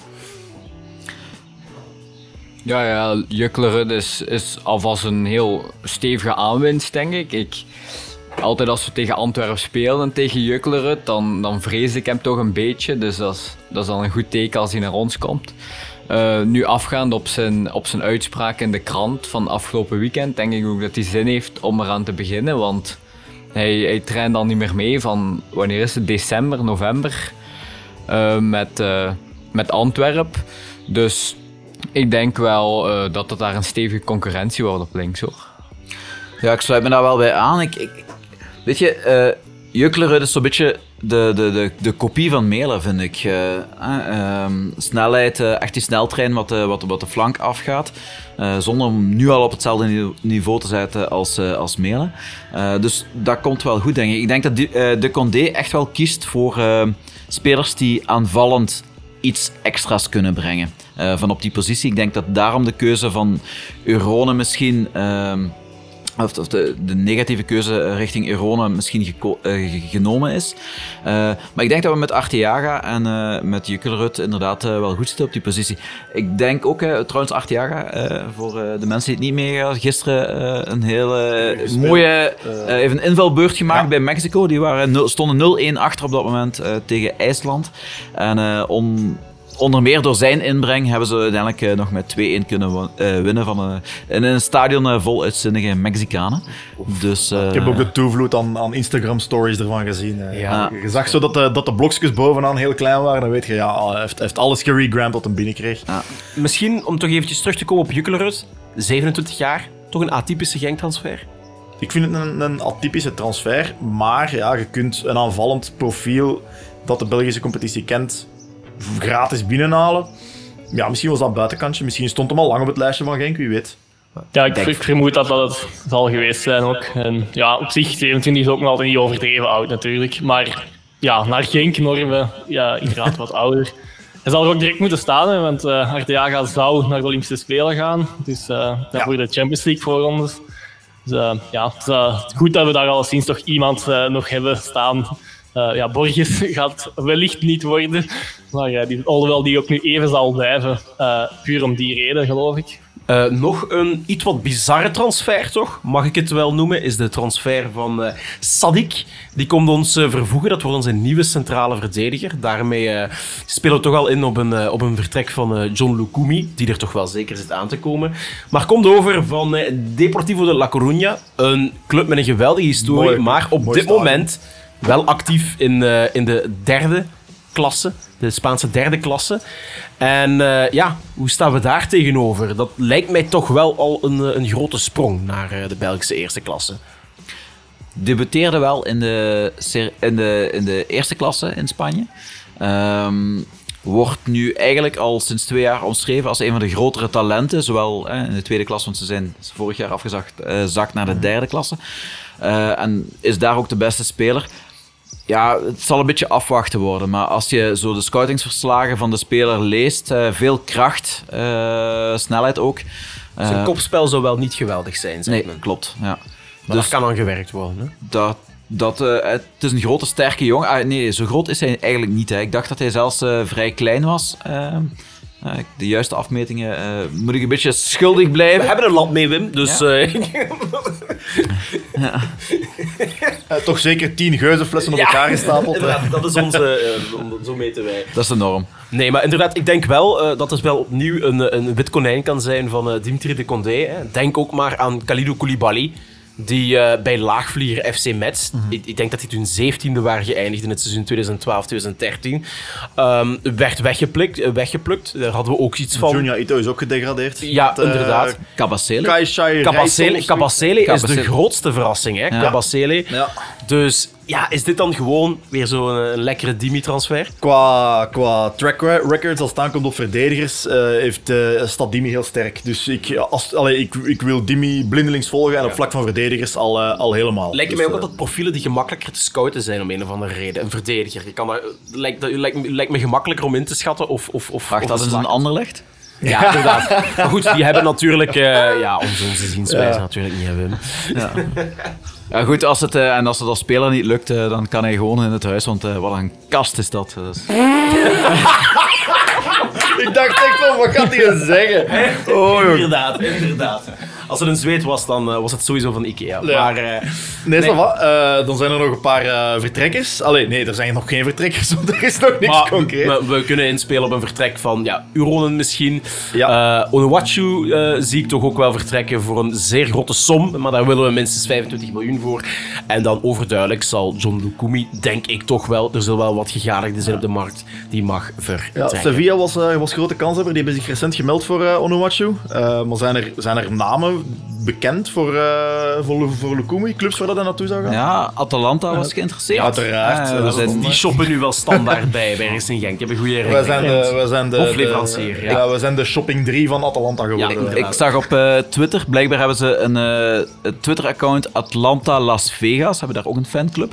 Ik zag daar een, bericht, een bericht komen van, eh, dat er interesse was vanuit Atlanta voor John Lukumi. En, eh, Lukumi en eh, een van de eh, supporters daar die reageerde eh, met een foto van de bargain shop. Hij zei van ja, kijk, als we bij Genk kopen is het altijd, goed. Ja. Klopt gewoon. Ja, maar ik, ik, ik zie, ik- hij past daar volgens mij ook wel. ehm, in, in, in Italië. Het lijkt me wel een, eh, een, een, een competitie die op zijn lijf geschreven is. kunnen, kunnen praten over vervangers. Ja, voor eh Lukumi hebben we eigenlijk al McKenzie. McKenzie, misschien, en dat is controversieel, maar al de betere versie. Eh, Ik durf dat ook wel te stellen. Ik durf wel zeggen dat hij meer potentieel heeft. Ik denk dat hem, ik denk ook zijn plafond ligt hoger. eh, Ja, rust aan de bal. Terwijl Lukumi altijd wel zo zijn foutje maakte. Mark heb ik nog steeds te betrappen op een, eh, op een foutje. Ik ben het daar niet helemaal mee eens. Eh, Ik wil geen eh, oordeel vellen over Mark McKenzie, maar ik vind Lukumi eh een van, van, van, van de meest onderschatte spelers Genk. Weet je wat, wat het is bij Lukumi? Van het moment dat hij er moest staan, lijkt nu in de playoffs, dan stond hij er. Ja. En het verschil met, eh, met eh, Lukumi en eh McKenzie is... Lukumi is meer een anticiperende verdediger, die, die meer vooruit verdedigt, terwijl dat McKenzie meer een afwachtende... Hij doet dat tot nu toe uitstekend. Dus eh, misschien wat wel zo gaat zijn, ik denk dat McKenzie meer een leider is. En dat is misschien wat we in de verdediging wel kunnen gebruiken. En zeker die jongen langs hem, wat ik echt een steengoede verdediger vind, maar volgens mij een heel ongelukkig seizoen heeft gehad, is Cuesta. Hè, eh, wat rode kaart, wat penalties veroorzaakt. Ik denk als we McKenzie kunnen koppelen aan Cuesta, dat wordt als ploeg beter van geworden. Maar of McKenzie nu de betere speler is van Lukumi, nou, dat zal de toekomst uitwijzen. Ik ben er niet zeker van. Ja, ook daar sluit ik weer aan, weer aan bij Wim wel. Want uh, ja, Lukumi zijn play-offs waren echt fenomenaal ook. Uh, voor de moment, hij is natuurlijk ook een beetje eruit gevallen tijdelijk. Maar zelfs uh, in heeft het dan ook perfect opgevangen. Maar ja, Lukumi was wel echt cruciaal op een aantal fases in de play-offs. En in de grote wedstrijden staat hij er gewoon, meestal. Um, en in de andere gegadigde trouwens is ook nog Ren. Die waren vorig jaar ook al ge geïnteresseerd. Ja. Uh, ja, de ploeg van Doku, uiteraard. Doku ja. en uh, een van de Euro Europese wonderkinderen, Eduardo Camavinga. Ja, zeker uh, ook een ploeg met een goede jeugdreputatie. En dat is ook dat is een beetje het, het KRC Genk van, uh, van, van, van de Liga. En zo, ja. Maar dat zou, niet, ja, zou dan een stap hoger op zijn? Ja, misschien, misschien is dat een klein, klein, kleintje. Maar mag, het mogen nog meer zijn met zijn zeven mijlslagen. Inderdaad, nee, dat klopt wel. En dan, uh, ja, misschien ook eventjes speculeren over, uh, over wie we zouden kunnen aantrekken. Um, in de Genkse wandelgangen, en af en toe wandelen we daar nu toch wel eens uh, in, die, in die wandelgangen. ja, valt inderdaad af en toe toch weer de naam van een oude bekende. Samatta. Wat, wat denken we daarvan? Dries, weet jij meer? Eh, ik, ik, weet, ik weet niet bepaald meer, maar ik, ik ben altijd een Dessers aanhanger geweest. Hè. Ehm, dus ik denk, kijk, die jongen als, als Onuachu moet vertrekken, ehm, ja, dan, dan moeten er natuurlijk keuzes gemaakt worden, ook financieel in de bestuurskamer. Ehm, gaan we Dessers vertrouwen of gaan we echt een, eh, een andere spits aankopen die die eerste spits wordt dan. Ik heb nu ook wel gehoord van Dessers bij, bij 90 Minutes dat hij echt wilt, dat hij echt wilt spelen volgend jaar, dat hij wil blijven. Dus, dus als er een nieuwe spits komt, weet ik niet wat, wat hij gaat. eh, Maar dat is toch doen. net, dat is toch net ja, het mooie aan voetbal, die competitie. Ik denk niet dat voor aanvang van het vorig seizoen de trainer had gezegd: eh Onuachu, jij bent mijn eerste keuze en jij bent mijn tweede keuze, Dessers. Sterker nog, Dessers startte in de, de allereerste wedstrijden. Maar het was nadien gewoon niet goed genoeg en dan verlies je je plaats. Dus ik vind, Racing Genk moet ambitie hebben volgend seizoen en gewoon opnieuw een volwaardige spits aantrekken. Liefst iemand die een iets ander type is dan Dessers, dat je wat meer eh, op een andere manier kan spelen, tactisch. Maar je moet zeker geen, geen spits gaan halen als ja, vervanger van Dessers, want ja, ook Cyril moet, eh, moet, moet- Het is nu aan Cyril ook om zich te bewijzen. En om, eh, en om, en om goed te spelen en doelpunten te maken. Dus we hebben gewoon opnieuw een volwaardige eerste spits nodig. Het zou, het zou mij een, goed idee lijken om naast Dessers inderdaad een ander type, maar een iets jonger type, dat wel nog een beetje moet groeien. En, want dan geef je aan Dessers ook wel die blijk van vertrouwen van kijk, je krijgt een gans nieuwe kans. Maar opnieuw, als het tegenvalt, kun je die gast, laten we zeggen dat hij 22, 23 jaar oud is, eh, dat dat ook een iets rankere spits is die, die een goed kopspel heeft. Is dat zeker wat, dat we, wat we echt achteraan moeten, waar dat Des- Dessers meer de, be- be- de bewegelijke type is. Dat we zo een moeten hebben, dat je net die, die je kunt inbrengen in de kern en waarvan je zegt van kijk, er staat een spits voor u momenteel, maar de, de afstand is niet onoverbrugbaar. Van zodra je op training beter begint te doen, als je op je invalbeurten meer goals begint te maken, kun je hem wel degelijk uit de ploeg spelen. Ja, ik vind ook een, een beetje terug te keren op uw, op uw gezangen van net. Weet je, er zijn, er zijn twee dingen. Je hebt de, de emotie en de, en de, ra- eh, de ratio. Dat, eh, daar hebben we het net al even Daar over gehad. En eh, als de- vanuit emotie zeg ik, laat eh Samagol terugkomen. Dat, het gaat een fantastisch moment zijn als we allemaal terug in het stadion zijn en, en, en, en we kunnen allemaal Samagol eh zingen. Maar ik heb er een beetje schrik voor. Ik heb er echt schrik voor dat hij... Dat hij dat Weinig hij- niveau gehaald, hè? ja, hij heeft weinig niveau gehaald en, en dat de verwachtingen zo hoog gaan zijn dat hij die niet kan inlossen. Hij, hij, hij speelde toen ook in een heel ander team, hè, met eh Malinowski, Pozzuelo, Trossard. Ik wil de jongens van nu niks tekort doen, maar dat was een kampioenenploeg. En dat was toch net iets anders dan we, dan we, dan we nu gewend waren. Dus eh, nee, ik, ik, ik zou zeggen inderdaad, ga vol voor Dessers. En, en, en koop gewoon een heel goede tweede eh, spits. En die mag echt wel in de weegschaal liggen met eh, Cyril. Eh, die moet die prikkels ook voelen. Eh, die mag die druk ook gerust voelen, want als hij dat niet kan, dan, dan, dan hoort hij misschien ook niet in de eerste ploeg. Maar we hebben volgend jaar eh, eh, een zwaar seizoen. We, hebben, we spelen Europees tot na nieuwjaar. Hè. Ik ga heel kort inpikken op wat gezegd is. Voor u wint de ratio op de emotie, maar er juist zeggen, voetbal is emotie, dus van mij mag Stamata Ja, terugkomen. maar ik, ben geen ik ben geen clubleider. Hè. Inderdaad. Nog niet. Nog niet. Van het caféploegje. Wat was die caféploegje? weer? Apollo Boys. Apollo Boys. Het komt eraan. Het voorzitterschap is een feit. Nee, er, eh, een zekere Muniz van Flamenco wordt wel genoemd als, eh, als kanshebber. Hè? Munoz, Eh, Muniz, dat gaat allemaal ja, dus eh, wat was zijn voornaam? Ik weet niet meer wat, het- maar er werd op het, op het forum mee gelachen. dat Hopelijk ze- geen Daniel, eh, want dan zitten we met echt wel met... eh Nee, dat ze wordt eh, weinig werk voor de persoon Ja, die de shirtjes dat was draagt. Gabriele, nee. Ik weet, ik weet niet meer wat het was. Maar dus een van Flamenco, ja, dat is niet de kleinste club in Brazilië, is daar pas aan scoren gegaan. Is dat iets, weet, weet iemand daar al meer over of blijft het bij een vaag gerucht? Ja, ik heb, ik heb al wat beelden gekeken eh, toen dat gerucht eh, de wereld in, in, in, in kwam. Hij deed me heel erg denken aan eh, de Camargo. Als ik, als ik, als ik beelden van de Camargo, een jonge versie van de Camargo, Een jonge is, versie, ja. is, is, is, technisch, is technisch niet, niet de man die daar eh, vier dribbles gaat doen. Hij doet wel een paar mooie bewegingen, maar eh kopbalsterk en, en, en, en heel erg krachtig. Nu, ik heb wel eh, gehoord, gehoord of gelezen dat hij vooral is ingevallen op de momenten dat de wedstrijden voor Flamenco al beslist waren. Een ploeg die ook in geldnood zit en zeker zal willen verkopen. Ehm, dus ja, het zal iemand zijn, zoals je net misschien ook gezegd hebt, die voor de toekomst gehaald zal worden. Maar lijkt me niet iemand die. Maar ik, ik ben nogal mis geweest.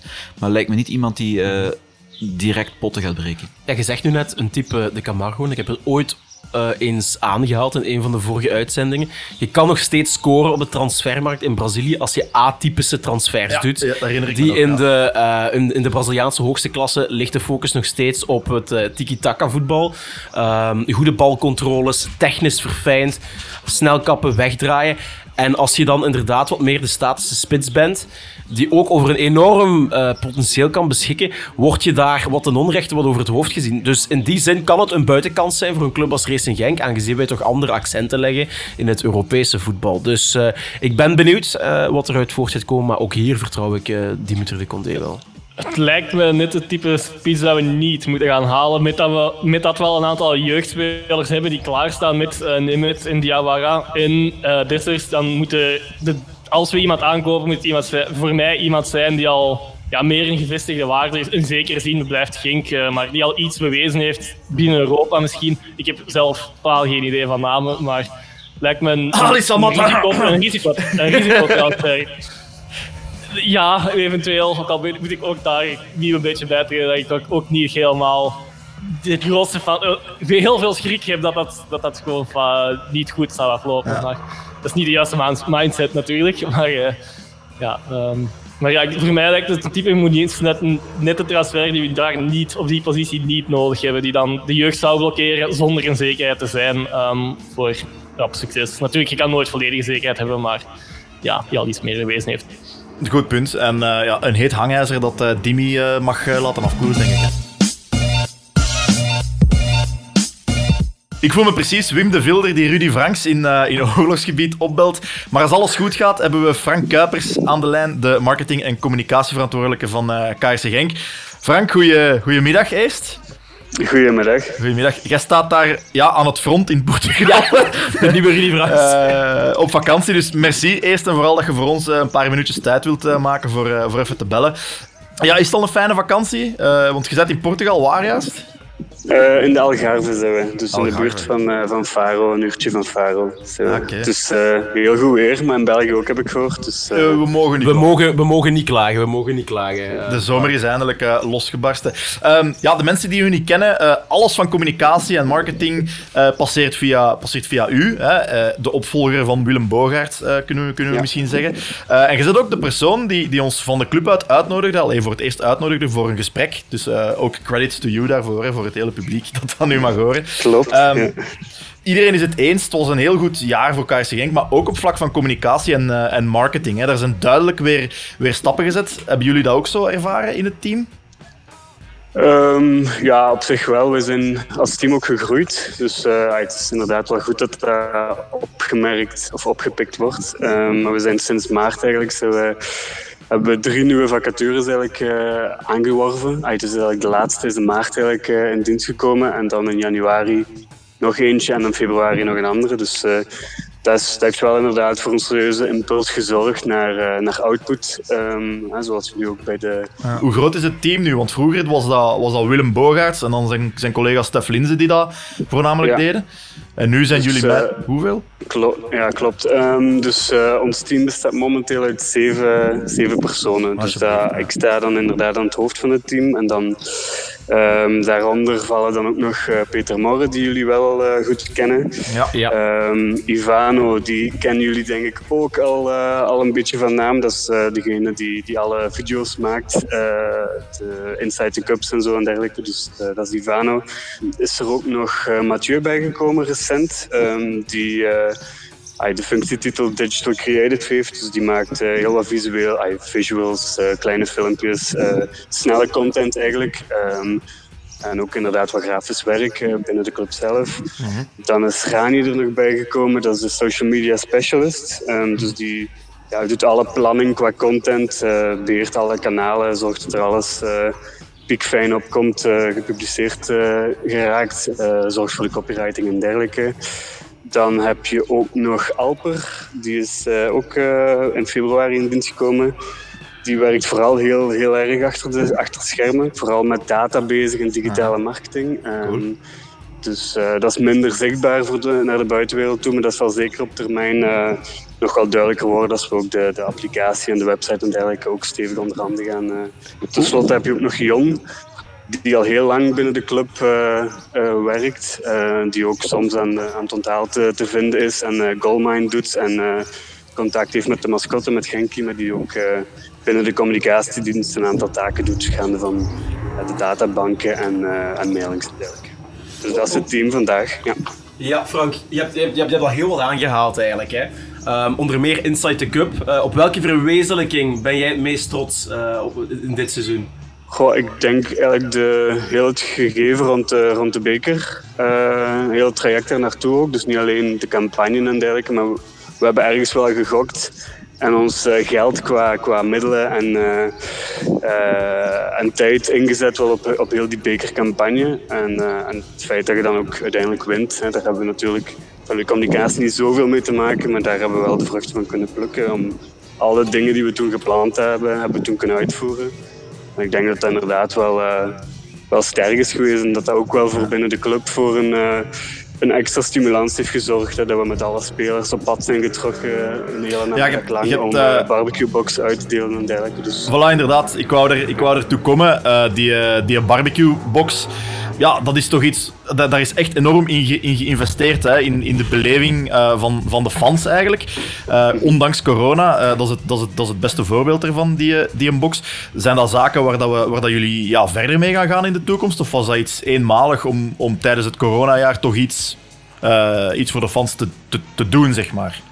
ja, ik denk sowieso dat dat wel iets is dat, dat Genk typeert om, eh, om de fans wel, eh, wel heel erg te betrekken of te proberen te betrekken bij, bij, eh, bij alles wat we doen. Dus daar gaan we zeker wel mee verder gaan.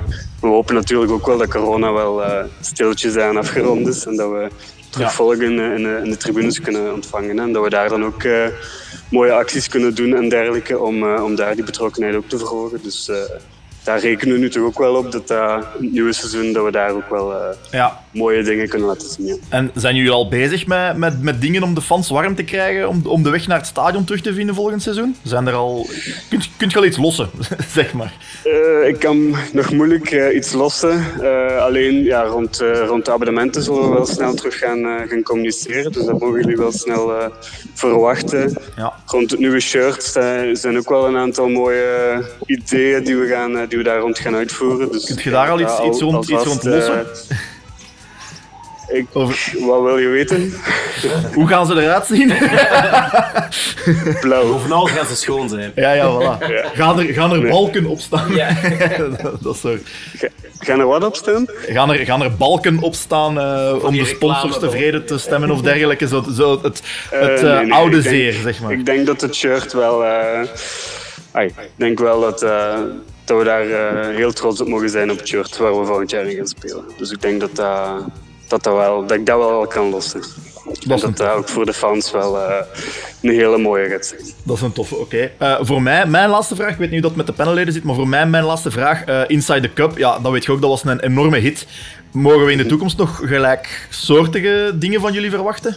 Een, een, een, een Inside the League volgend jaar, ik weet niet. Eh, absoluut. Ehm, het is wel zo dat we daar eh, ook wel in zekere zin wat spaarzaam mee willen, willen omspringen, omdat het ook uniek moet blijven en bij de wedstrijden en zo eh, moet passen. hè. Als we Ja, ja. in Schroen of in Eupen gaan spelen, ai, dan gaan we dat minder doen. Bij de, bij de beker hadden we dat echt zo gepland. Voor al die wedstrijden gaan we, gaan we dat brengen. Ja. Eh, nu zijn, er ook wel, eh, zijn we ook aan het nadenken hoe we de Europese eh, campagne in beeld gaan brengen. Dus dat zal daar zeker misschien een onderdeel van kunnen zijn.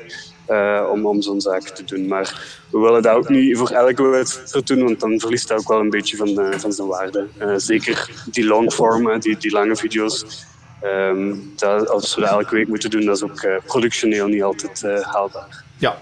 Als ik eh, nog één tip mag geven, Frank. Ik, eh, een paar jaar geleden hebben we gespeeld tegen, ik denk dat het Brumby was, eh, Europees. Die hadden toen ook, die, die, die social media die stond toen eigenlijk verder dan die van ons toen. Nu, nu doen jullie absoluut uitstekend werk. Maar die hadden van die GoPro's in de, in, in de, in de doelen hangen. Ja, was, was, was schitterend. Eh, de filmpjes van, eh, van Brunby Genk vind je op YouTube. Hè. De- Met de luisteraars moeten die zeker eens gaan bekijken. Die waren, echt, die waren eigenlijk echt eh, heel erg mooi. Een beetje inside the cup, maar toch weer met een andere vibe. Vond ik ook wel heel, eh, heel leuk om, eh, om te zien. Ja, goed, ik zal het eens checken.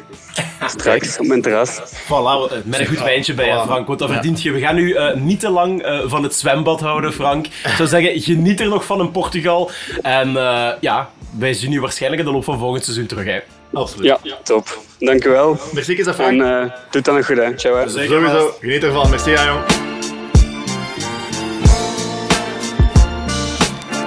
Terwijl dat er een eh, helikopter overvliegt over waar dat volgens mij het Nationaal Park Hoge Kempen ligt, Ja, hoe zou dat toch komen? kunnen we het hebben over volgend seizoen, hè, want we zijn al een beetje in die richting aan het evolueren. Ja. Ook richting eh, einde van seizoen 1 van Terrell Talks. Villarreal heeft de Europa League gewonnen, dus we zijn geen reekshoofd ehm, voor de loting van de, van de, van de Champions League kwalificaties. Dus dat wil zeggen, de loting vindt op 19 juli plaats. Mogelijke tegenstanders zijn dus Shakhtar Donetsk, Benfica, AS Monaco, Celtic of Rapid Galatasaray of Midtjylland. Wie mag het voor jullie worden?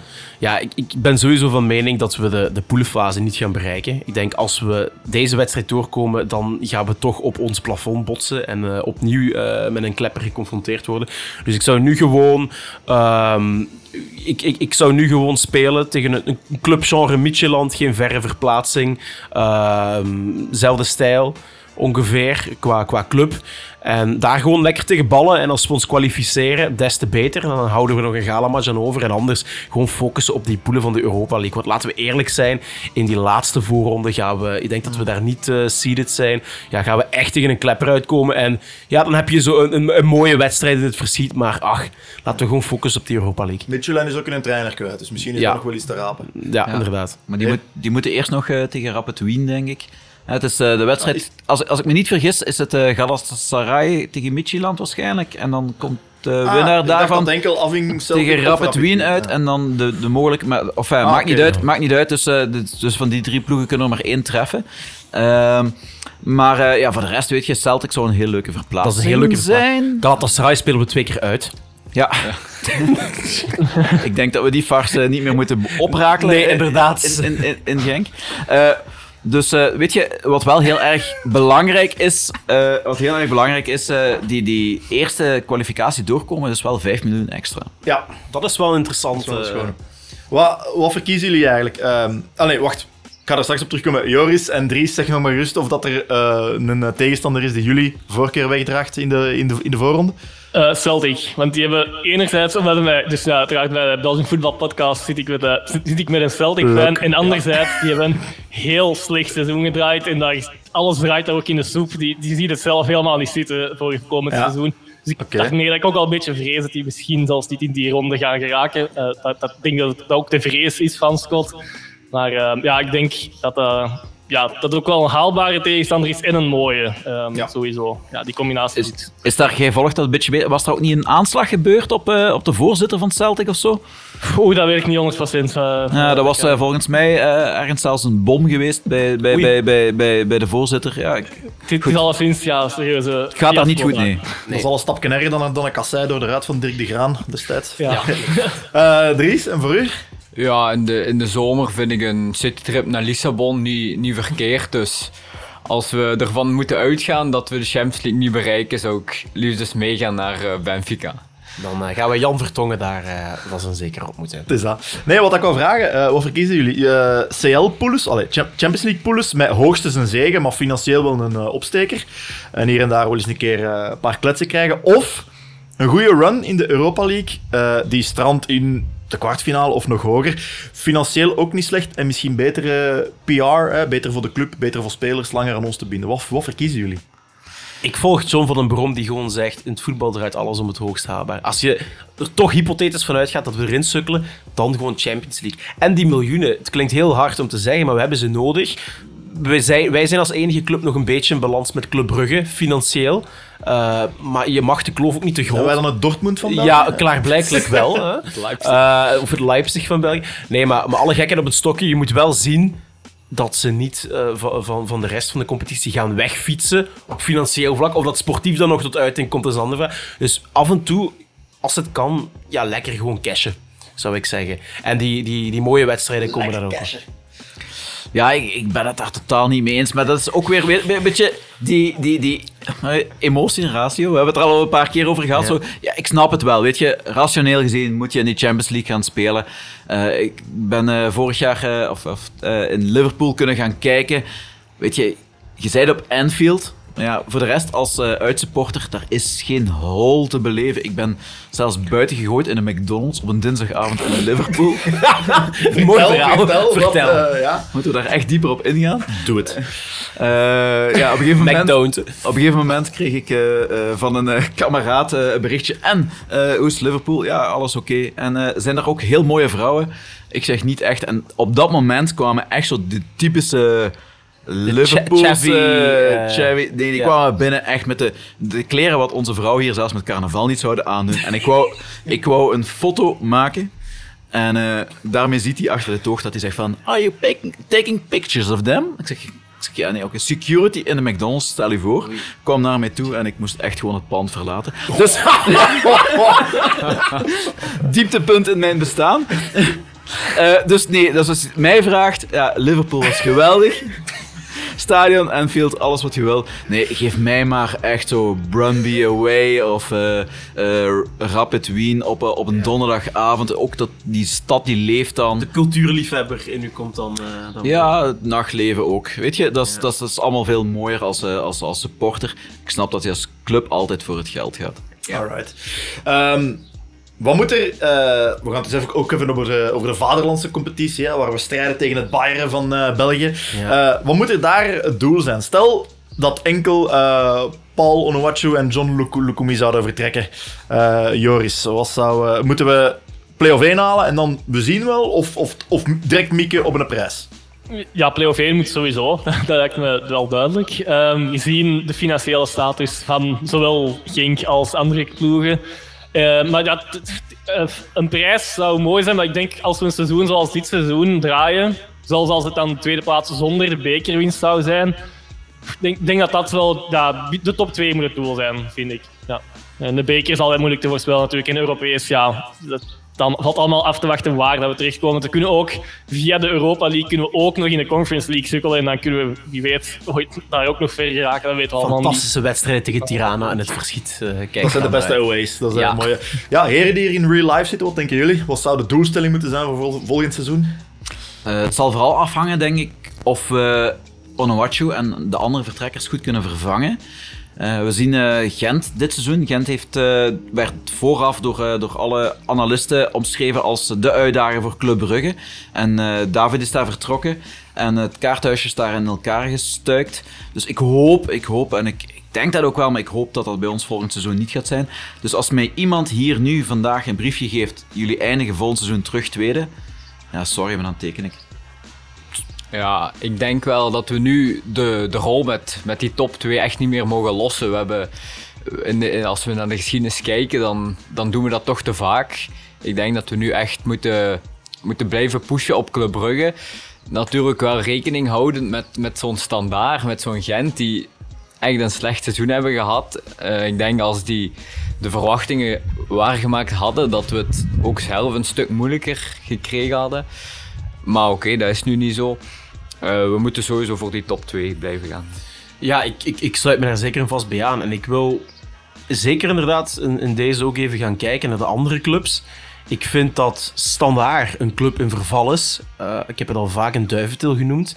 Maar daar valt echt geen heugelijk nieuws meer te rapen eh, bij die club. Eh, Gent... Zegt hij ook echt met uitgestreken gezicht. Ja, ja. Ik vond, ik vond het heel Geen mooi. plezier. Nee, ik bedoel, ze zouden daar een speelkasteel of zo moeten zetten om toch nog wel wat animo te brengen. Ik weet het niet. Maar dat is, dat is een club die compleet in verval is. En daar zie ik ook geen challenger in op in, in de eerstkomende termijn, de eerste twee, drie jaar. AA Gent ehm, werd natuurlijk hè, door het hele mediacircus al snel gebombardeerd door een topclub, maar is het eigenlijk niet. Eén landstitel. En voor de rest, als je gaat kijken naar de prijzen in de afgelopen 20 jaar, is het zeer karig. Heeft iemand eh, Wel de beste met- foto bij een artikel. Ja, Eh, klopt, klopt, klopt. Ja. Absoluut. Vertel. Heeft iemand, heeft iemand het artikel met uh, Loagi gelezen eh, Nee. deze week? Nee. Ah, z- ja, dus eh, ik ga het heel kort samenvatten. Volgens hem was eh eh, AA Gent nog altijd de topclub na Club Brugge. Want ze zijn de komende, eh, de voorbije acht jaar of zo het meeste als tweede geëindigd, wat al een heel prestatie is. Eh, dan ging het ook heel even over eh, dingen. Ja, eh, de, de journalist vroeg van ja, hoe heb je dit seizoen ervaren? Ja, zegt Logie. iedereen doet net alsof A-agent dit seizoen niet heeft meegedaan. Waarop die journalist wel leuk antwoordt. Zegt van jullie hebben ook niet meegedaan. En ja. daarop wordt hij kwaad. Hij zegt van nee, maar we- als je naar de cijfers kijkt, we hebben toch Europees gehaald. Ja, maar de cijfers, je hebt geen prijzen. En dan ging het over jeugdwerking. Over jeugdwerking ook eh, in 1B was het totaal niet mee eens dat Genk bijvoorbeeld, want die naam werd expliciet genoemd, Mhm. eh, in 1B terecht zou komen. Want hij zei, ja, het kan wel zijn dat Genk een betere jeugdwerking heeft, maar wij hebben een beter complex. Ik denk dat ze daar met een heel groot complex zitten. wou Met het een, net eh, zeggen. in- in Gent. dus dat, dat, dat gewoon. Ik denk dat men daar eh, aan, aan het schotcomplex leidt. De feiten zijn zoals ze zijn. Ze hebben één titel gehaald met een, met een ploeg waar we, als je gaat kijken wat, wat daar individueel uit voortgekomen is, zeer weinig. Ehm, ze hebben gewoon één titel gehaald. En ja, het is gewoon echt een, een competitieploeg. Eh, ze, ze, ze hebben één goede Europese campagne gehad in de Champions League. Het is, het is een regelmatige ploeg normaal, maar het is geen topclub. En da- daar, daarvoor hebben ze dat nog niet. Ehm, jonge spelers tekenen voor een club als Genk, niet voor Gent. Daar, laten we het daarover eerlijk zijn. Als je dan gaat kijken, Anderlecht, die zie ik op middellange termijn terug meespelen. Die hebben een filosofie, denk ik wel, met compagnie die, die wel overeind gaat blijven. Maar die hebben ook, ook volgend seizoen gaan ze nog niet pieken. Die hebben toch nog zeker twee à drie seizoenen nodig. Dus nu is het kwestie om uw karretje aan dat van Club Brugge te haken. En vroeger had je altijd de dynamiek tussen twee topclubs. Brugge-Anderlecht, Brugge-Anderlecht. Een tijd Anderlecht-Standaard, Anderlecht-Standaard. Wel, nu moet, eh, moet even het eh, tijdsbestek ingaan van Brugge-Genk, Brugge-Genk. En ik denk dat dat onze missie moet worden eh, de komende jaren. Ja, ben ik zeker mee akkoord. Ik denk dat er ook iets meer concurrentie gaat zijn dan dit jaar aan de top. Eh, Antwerpen, ja. Wat met Antwerpen, ja, die kunnen soms een boerenjaar hebben, soms niet. Moeten we nog zien hoe dat, dat zich op middellange termijn gaat, af, gaat af, af- aftekenen in de eerste klasse. En dan kan er, het kan toch altijd gebeuren dat een ploeg als Zulte Waregem of KW Mechelen uit het niets play-off 1 wel kan halen. Dat gebeurt soms eens een keer. Standaard sluit ik me wel deels bij aan dat daar, dat daar wel iets groter fout zit. En Gent, Gent heeft misschien van, van alle clubs eh, die nog geen echte topclub zijn, het meeste potentieel om een topclub te zijn in België. Ze hebben een stadion, een grote stad. Worden wel best oké bestuurd, moeten we niet onnozel om doen. Ehm, maar ze mogen inderdaad, en dat, dat soort interview eh, met Louagie toont aan dat ze verbaal hun, hun potentieel willen voorbijlopen. Ze zijn al aan het zeggen, ja, we zijn de tweede grootste club. Nee, probeer eerst eens een keer wat prijzen te pakken. Ja. Herinner u hoe het ons is vergaan. hè. We zijn in 95 pas echt Ja, boven water beginnen komen. En dan- hebben dan een dan- paar boerenjaren achtereen gehad. En dan is er ook door het heel diepe dalen gegaan. Hè. De Want het is dan pas dat je je, je Broos, statuut van topclub kunt bevestigen. Het is door zo'n soort van cultuur te creëren. En daardoor ga je ook bepaalde, op basis van die reputatie, spelers kunnen aantrekken. En zo. Het is niet met Antwerpen, omdat je ineens heel wat financiële eh, mogelijkheden hebt, dat je al meteen die topclub bent. Ook zij gaan nog moeten groeien, want tot twee, drie jaar geleden zaten ze nog in tweede klasse. Ook zij gaan nog die fase moeten doorgaan alvorens ze echt topclub zijn. En ik denk in België op di- dit moment is het gewoon eh, de, de hegemonie van Club Brugge en Racing Genk. Dus we gaan een paar jaar eh Kaarsen Genk Brugge tegemoet. Volgens ik wel. Dat zou, dat zou een mooi duel zijn, Dries. Ja, en los van die, die prijzen en die statuten, ik heb wel een, een Gent zien voetballen dat, dat met Van Azenbroek echt beter voetbalt door één seizoen. Hetzelfde voor Anderlecht. Dus als die dat doorzetten, ja, dan denk ik wel dat volgend seizoen dat dat, dat de vier ploegen zijn om naar uit te kijken. Hè, met, dan, met Genk en Brugge. Dus op die manier... eh, Loagie heeft weer veel transfers aangekondigd. ja, oké, dat doet ja. Moes dat- Kroen deed er ook altijd 13. eh, Inderdaad. dus eh, we, we zien wat, wat dat hun gebracht heeft. Je zegt het net, vier interessante clubs. Misschien eventjes kort over het playoff format. Ik vond dit leuker, met vier dan met zes. Absoluut. Ja, ik vond dat, het zorgde wel voor veel meer stress. Want ja, als wij, Ja. als we eh, normaal moeten we altijd, was, was het altijd krasselen om, om erbij te waren, buiten, om erbij te gaan, buiten in het titeljaar. Eh, het, wordt, het wordt moeilijker en ook als de concurrentie gaat toenemen, gaat het voor ons ook niet per se een vrijgeleide zijn om bij die eerste vier te geraken. hè. Nee. Want dat was, dat was ook, vroeger was het toch altijd zo, dan had je zo die wedstrijd tegen Lokeren of Zulte Waregem ertussen zitten. Dit is toch fijner, lekker intenser. Het was- was eh, op het keer hoogste volle bak, niveau. ja. Ja. Altijd volle bak. En moet je nu de volle stadions voor, voorstellen. Kom aan. Ja. Gewoon zo anderhalf maandje, al die wedstrijden. En, Plus, eh, nu, nu deed het er... Tot de vorige seizoenen deed het er alleen maar voor de eerste zesde toe. En dan de rest mocht play-off 2 gaan spelen. eh, al dan niet, ofwel tegen een goesting. Eh, maar nu deed het er voor acht ploegen toe. Ja, Van de eerste speeldag tot eh, de laatste speeldag van de play-offs. Ja. En dat is het grote verschil, denk ik. Stel, Play-off 2 had betekenis dit jaar. Ja, was leuker en nuttiger. Ik vind, wel, ik vind wel jammer dat er tussen play-off 2 en de, en de relegation play-offs, zeg maar, dat daar een paar clubs tussen vallen die, waar het seizoen gewoon eindigt. Ik vind, daar, Maar zou dan- wel een dan wil- oplossing, dan- ja, daar zou wel een oplossing Dan voor wil moeten je toch gewoon dat het eindigt. Als Nee. jij dan Sint-Truiden bent en, pff, en je moet dan in zo'n soort van, Ja. wat dan alternatief een derde Ja. play-offs, waar het gewoon echt om niks gaat, dan gaat niemand meer op staaien kijken. Dan zit er 1500 man. Ik wou Sint-Truiden en Kortrijk trouwens ook echt niet meer zien dit seizoen. Dus eh, ik was er heel, heel tevreden van. Inderdaad. En ze hebben ook nog altijd wel dit seizoen 34 wedstrijden. Hopelijk, van- in mijn, in mijn geval, ik, vind, ik ben wel voorstander van terug te, eh, te krimpen naar 16 ploegen, maar op zijn minst 30 wedstrijden toch nog wel gehad, wat ook evenveel is dit, dit seizoen al sinds als voordien. Eh dus eerder extra wedstrijden nog voor de, voor de anderen in plaats van eh, minder voor hen.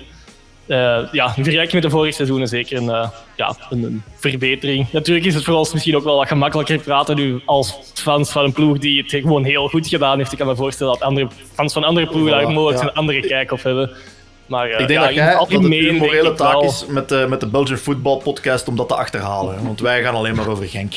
Ja, Ah, dat- natuurlijk, wereld is natuurlijk, klein. daar gaan we voor.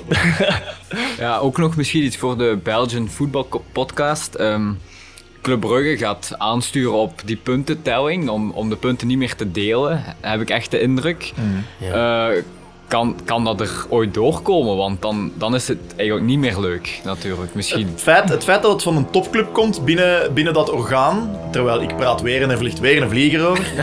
Eh, eh, het feit dat het van een topclub komt en die hebben meervoudig stemrecht, als Brugge goed kan lobbyen onder de G5, is het geloof ik, eh, en die krijgen dat erdoor, dan is dat perfect mogelijk. En dat, dat is ook het grote probleem in het Belgisch voetbal. Dat, en, en, en ik spreek misschien een beetje tegen de topclubs nu, maar dat meervoudig stem, stemrecht, dus dat de, dat de stemmen van de topclubs binnen binnen de, de Pro League dubbel tellen, dat is toch Ja, ja, dat is toch Ja, dat is, gewoon... dat is eigenlijk een beetje toch- allee, het sorry, idee of de ideologie van de Super League vervat in één. Ja, allee, we zijn allemaal tegen de eh, Super League, maar dan wel binnen de Belgische competitie krijgen de, de vijf grootste clubs wel. En waarom zet je, waarom, wanneer hoort je wel bij die vijf en wanneer niet? Want Zulte Waregem hoort bij de G6 of zoiets? Of, Ja, dat, dat is al fi- financieel. Ja, ik hè. weet niet. Kapitaalkrachtig. Ja. kapitaal. Oké, ja, dat- G5 vind ik misschien plus een goeie, 1 maar- is het zeker met Charleroi, denk ik wel, in plaats van. Zulte. Eh, ja, wat ik een beetje gemist heb in deze hele discussie is, want het is op tv en eh, een andere podcast ook wel aan het woord gekomen, wat ik een klein beetje mis, is het verhaal van de fans van het Belgisch voetbal in het algemeen. Want eh, Brugge zegt van het is oneerlijk, het is oneerlijk, en dan gaan ze meningen vragen aan voetballers, en voetballers zeggen ook, oh, dat is oneerlijk, dat is oneerlijk. Maar waar draait het uiteindelijk om? Het draait om spektakel. En die regels zijn van speeldag 1 voor alle spelers bekend. En eh, uiteindelijk hebben we over die 12 jaar dat we die, dit playoff systeem hebben met de halvering, hebben we nog nooit één keer een onverdiende eh, winnaar gehad. Zelfs als standaard in het seizoen, het eerste seizoen van de playoffs, tegen ons die laatste wedstrijd gewonnen hadden, dan was was, eigenlijk dat, verdiend dan was dat geweest. verdiend geweest. Ja. En dat is een klein beetje het, het, de nuance die ik mis. Hè? Brugge is nu kampioen geworden dankzij die voorsprong. Maar zonder die voorsprong was play-off 1 echt flut geweest. Dan, was, dan, was, Ja. dan had dat niks voorgesteld. Nee. En dan kan Brugge wel zeggen, het is oneerlijk. Maar uiteindelijk zijn het de kijkers die de tv-gelden betalen, Mhm. die spankracht willen in de competitie en die dus er ook voor zorgen dat Brugge al die miljoenen kan uitgeven om die ploeg uit te bouwen die ze op dit moment hebben. Dus ik vind dat, ik vind dat een, heel, heel, eh, een heel belangrijke nuance die eigenlijk in onze, onze media een klein beetje gemist is. Ja, het is, het is natuurlijk, ja, de, de fans maken voetbal. Daar komt het op neer. En eh, ik denk dat je daar een heel goed, eh, heel goed punt aanhaalt. En uiteindelijk, als we om even terug te komen op de situatie van Club Brugge, in verkorte play-offs met 10 punten voorsprong het nog bijna uit handen geven. Vier ploegen, hè? Ja, met vier ploegen. Dan moet je eigenlijk niet meer gaan refereren naar het systeem. Dan heb je het gewoon belachelijk zeggen. Want dat moet ook de kwaliteit zijn van een kampioen, van een topploeg. Hè. Je zet eh, superhoog aan het cruisen, 40.000 voet, maar je moet er ook blijven. En, en niet com- complacent worden, Is- ja. In, zeggen. in de Verenigde Staten heb je nog zo sportstructuren, denk eens bij de NFL of zo, waar, waar, waar ze allemaal vanaf nul starten of zoiets na Mhm. de... ehm, ik, ik weet niet of het bij de NFL is. Ga door, ik weet niet. Wa- nee, dan... dan of, Basket, basket en basket. NFL, NFL zijn echt play-offs gewoon Ja, dus, dus dat is de, eigenlijk de reguliere competitie dient enkel om, u, om de plaats en de rangschikking te bepalen en tegen wie je dan uitkomt in, in de na-competitie. Maar dan, Ah, ja, dan, ja. dan start het gewoon gelijk. Dus uiteindelijk is het Maar- gewoon een format en je kan je daarop instellen. Maar wie is de grote winnaar in, eh, v- van dit seizoen? Club Brugge, hè? ah, tuurlijk. Club Brugge, want ze, ze zijn kampioen geworden. Dat, maar ook al hun gebreken, hè, een Hans van Aken, een Vormer, die niet meer brengen wat ze denken, waren die nu met 12, 13, 14 punten, 20 punten kampioen geworden, los kampioen geworden, dan hadden die gedacht van, ja kijk, we zijn klaar voor volgend seizoen. Hè. We kopen hier en daar wat talent bij. Nu hebben ze wel degelijk door dat die ploeg wel degelijk een grondige schoonmaak Ze hebben ook nodig wel heeft. door waarschijnlijk dat als er nog een ploeg of twee was met het niveau dat wij haalden en die misschien geen grote type hebben gehad, dan hadden die, al stel dat Anderlecht heel, het heel seizoen lang op niveau was. Als wij de laatste minuut tegen Antwerpen niet verliezen, spelen we kampioen. Ja. Ja. Er zijn, er zijn Er heel zijn veel... heel en- veel. Ja. Er zijn inderdaad, Heel veel Joris, alsen, er zijn heel veel van die het wat alsen als we... Dit is een penalty scoort tegen Club Brugge in het begin van het seizoen. Voilà, als we, als we winnen op Moeskroen. Maar ik ben, we- maar ik ben het daar, ik ben het Er daar, wel- veel, ik ben het daar wel mee eens, maar ik vind ook dat Brugge echt wel de grote winnaar is nu. Want die hebben lessen getrokken die ze anders niet getrokken zouden hebben. Ja. Dat vind ik heel wijze woorden van Wim om het eh, gesprek mee af te sluiten. Want inderdaad, onze tijd is gekomen, althans voor, eh, voor dit seizoen. Jij mocht voor de laatste keer dit seizoen uw zinnetje zeggen. hè. En we zijn helemaal rond. Het was of een- vierkant, of maakt niet uit. Ja. Alles kan tegenwoordig. hè. Het was een heel stevige aflevering om het seizoen mee af te sluiten. Het was, het was heel veel gedoe. We hadden- met, met eh, veel gasten in real life, via virtueel en alles. Eh, maar het is ook uiteindelijk allemaal gelukt. Ehm, ja, over die truitjes waar dat, eh, Frank het over had, kunnen we nu ook stilletjes aan beginnen, beginnen dromen. Ehm, ja, merci aan de gasten. Wim, Joris, Dries. Eh, volgend seizoen ook nog altijd goesting om eens langs te komen? Altijd, als de geuscoach staat, kom ik af. Maar je ging zelf de volgende keer ook wel een meenemen. Hè? Ah, dus Oké, dat, staat eh, nu wel op tape. Ja, oké. ja, officieel. Of, zo werken wij, dat is zoals bij de politie hier. Ja man, ik denk dat, dat ik jullie ook mag bedanken namens alle Genk supporters. Hè, dat jullie ons door die coronatoestanden hebben getrokken. En dat was fantastisch, dus heel veel bedankt daarvoor. Dankjewel. Ehm, Ja, gra- graag gedaan. En hopelijk volgend seizoen eh, ook eens live, eh, dat ik ook eens kan afkomen. Oh ja, ge- je pakt maar een vluchtje. Ik denk als we, als we genoeg geuzes betaald krijgen van onze fans, dan kunnen we wel een vliegtuigticket Nee, eh, dus dat- fixen. daar moet je geen zorgen over maken. Of we dat- ergens ik geraakt. Maar het is sowieso Ryanair, hoor. Je moet je geen, geen illusies maken, hè, Joris. Ja, inderdaad. Nee, nee, nee. Zijn er zomerplannen, jongens? Vakantieplannen of Ik whatever? ga naar Spanje, naar het appartement van mijn ouders met mijn vriendin. Dus even bekomen van, eh, van heel wat podcasts en de werkdruk. Dus eh, op het gemak. Ik weet niet, jullie heren. Costa Balconia. Costa Balconia. Het schijnt daar heel mooi te zijn. Hè? Ja. Vrij vlak eh, gebied ook wel. Dus, eh, Dus eh, nee, ik, eh, geen wilde plannen, maar eh, gewoon een heerlijke zomer met eh, veel bier en hopelijk snel terug voetbal. Ja. Ja, de eerste week van september wordt het Kreta met enkele studenten. Dus als de kalendermanager luistert, liefst geen eh, STVV op Brugge dan. Als je. afstudeert. Ja, Als je er door inderdaad. bent op Duits. Inderdaad. Onder andere. dat, Succes eh, ook met examens. Ja, ja, ja. Amai, dat is al een iconische vakantie worden. Dan heb ik het niet over de iconische zuilen die ook op, eh, op Kreta te vinden zijn. Sorry voor deze mop, ik ga nu al mijn mond houden. Oké, ehm, Nee, goed. Ja, het was inderdaad voor ons ook een topseizoen. hè, Lau. Real Talks gestart uit verveling tijdens de lockdown. Eh, heb jij iets geleerd over jezelf als podcaster? Een diepe vraag om je af te sluiten. Oh, een diepe vraag. Wat ik van mezelf geleerd heb is. ehm, ja, ik ben, ben mezelf wel tegengekomen met het interviewen van gasten. Toch zo'n soort van spanning die er altijd is. Van oeh, ik zit hier tegenover een grote naam of zo. Ik had nooit gedacht dat ik zo. Dat ik dat zo wel kon ervaren. Dus er was altijd wel zo'n soort van zenuwachtigheidsspanning die ik niet kon thuisbrengen, die ik me nu wel eigen gemaakt heb. Dus er is wel progressie. En jij, Theo, ik zal de bal even terugkaatsen. Dankjewel. Eh, vooral multitasken. Eh, Multitasken. Tijdens zo'n podcast moet je natuurlijk denken aan ja, ten eerste de tijd, eh, de voorbereiding die je, die je hebt gemaakt, de, de flow. Luister naar wat dat uw gast zegt, luister naar wat, dat de, naar wat dat mijn medepodcaster of mijn medepodcasters zeggen. En terwijl u bezighouden met een techniek, zie je dat iedereen goed klinkt. Eh, we hadden er juist nog een kleine paar hiccups en dan lijkt dat... dan, en dan moet je echt beginnen denken van shit. Dus wat multitasken, zo alles tegelijk doen, ehm, dat zorgt wel voor stress vaak tijdens een Maar je hebt dat uitzending. met maar, eh, gedaan. Dankjewel. Dan, Ja. ja. Ja. Dat, eh, wat was voor u het absolute hoogtepunt als podcaster dit? Voor mij het absolute hoogtepunt. ehm, ja, ik denk toch wel zo de eerste keer dat we eh, bijvoorbeeld met Mark McKenzie dat we uitgenodigd werden in Genk. Ja. En dat we dan naar boven mochten gaan en dan de eerste keer een speler in levende lijf ontmoeten. Dat was, dat was op zich al, al, al een unicum. Dus ehm, ik ben daar heel... En persoonlijk, natuurlijk, emotioneel momentje. eh, Het feit dat we Karmel Bouzoutil hebben mogen, mogen interviewen. Dat is heel tof. Als, als iemand die daar ook gewoond heeft, is dat speciaal. Maar hoogtepunt toch misschien Mark McKenzie, eh, die aflevering.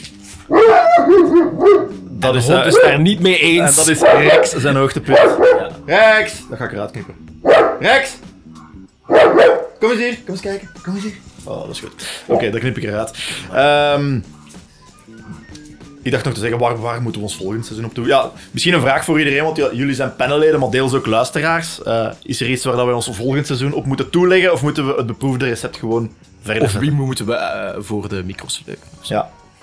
Ja, ik zou gewoon inderdaad het eh, eh, beproefde recept eh, aanhalen. Af en toe een speler, af en toe iemand uit de omkadering van KRC Genk. En ze van Eh, hun eigen winkel aan het spreken zijn. Nee, uit de om, ik, kom niet uit de omkadering. Het is maar iemand... eh, eh, eh, Ah, ik dacht de omkadering van de podcast, dat je nee, dat nee, nee, maar ja. iemand... Dat mag ook. Eh, maar eh, ja, weet je, bijvoorbeeld een Erik Gerrit zou een leuke gast Ja, ja, ja. eh, eh, zijn, denk ik. Ehm, maar voor de rest, spelers, ex-spelers, altijd welkom. Spelers, vrouwen misschien? Ah ja. Maar het is wel zo- zonder beeld, hè? Ah nee, dan wel. gaan we dat niet doen. Ja. ja, en ik, ik trouw in augustus, dus qua timing is dat ook wel moeilijk. Als ik zo'n spelersvrouw van mij krijg, krijg ik het soms toch wel wat warmer. Amai, Ik amai. ga ook in augustus trouwens. Jij gaat ook in, in augustus trouwen, ja echt? Ja, ja. Oei, naar, welk, welke trouw moet ik dan gaan? Ah, heb jij dan een uitnodiging gekregen of wat? Ik zal het direct vragen aan u. Ja, Nee, eh, ja, het is wel cool dat, dat ik, want ik denk, eh, een van de unieke dingen aan onze podcast is dat de club er, er mee is ja, ingestapt of, of een karretje ermee heeft aangehangen, of moeten we dat zeggen, of dat we ja, ermee samenwerken. En ik weet niet of dat, dat voor, voor de andere podcasts ook zo geldt. Eh, nee. Alleen bijvoorbeeld eh, die van Antwerpen, de vierkante, Vierkante paal, paal. waar dat we eens op zijn die zijn echt, die zijn echt Die, hebben eh, wel, die zijn wel al heel goed bezig. in een Ja, community. die zijn heel sterk. En zij zijn zelf zo'n beetje een persoonlijkheid geworden binnen die community. Dus mensen kijken ook echt voor hun, terwijl wij een beetje zo de, de anonieme nobodies waren. Dus wij moesten het echt van onze centrale, centrale gasten hebben. Dus ik denk op dit moment hebben we wel een leuke formule uitgedokterd Ja. om het volgende seizoen mee in te zetten. Nee, maar kijk, voilà. dan ga ik gewoon de gasten nog eens een keer bedanken. Joris, Dries en Wim. Dank u wel. Laurens, ook bedankt voor een fijn seizoen. Wederzijds, eh, Theo. Want ons seizoen is dan ook volledig ten einde. We gaan er ook even tussenuit.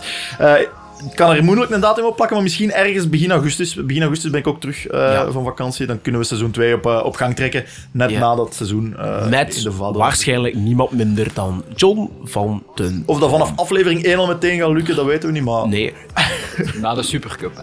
we zullen zien. We zullen zien. We gaan zien. Begin augustus ergens. Als je in de tussentijd feedback of tips voor ons hebt, laat het weten via blauw-wit of op onze Facebook- of Twitterpagina. Ons tracteren op een geuze mag ook nog steeds op buymeacoffee.com slash teril. Elke gift helpt ons vooruit om de kosten van de podcast te dekken. Maar voor nu, bedankt voor het luisteren. Geniet van de zomer. En tot de volgende Terrell Talks. Hey, hey, hey.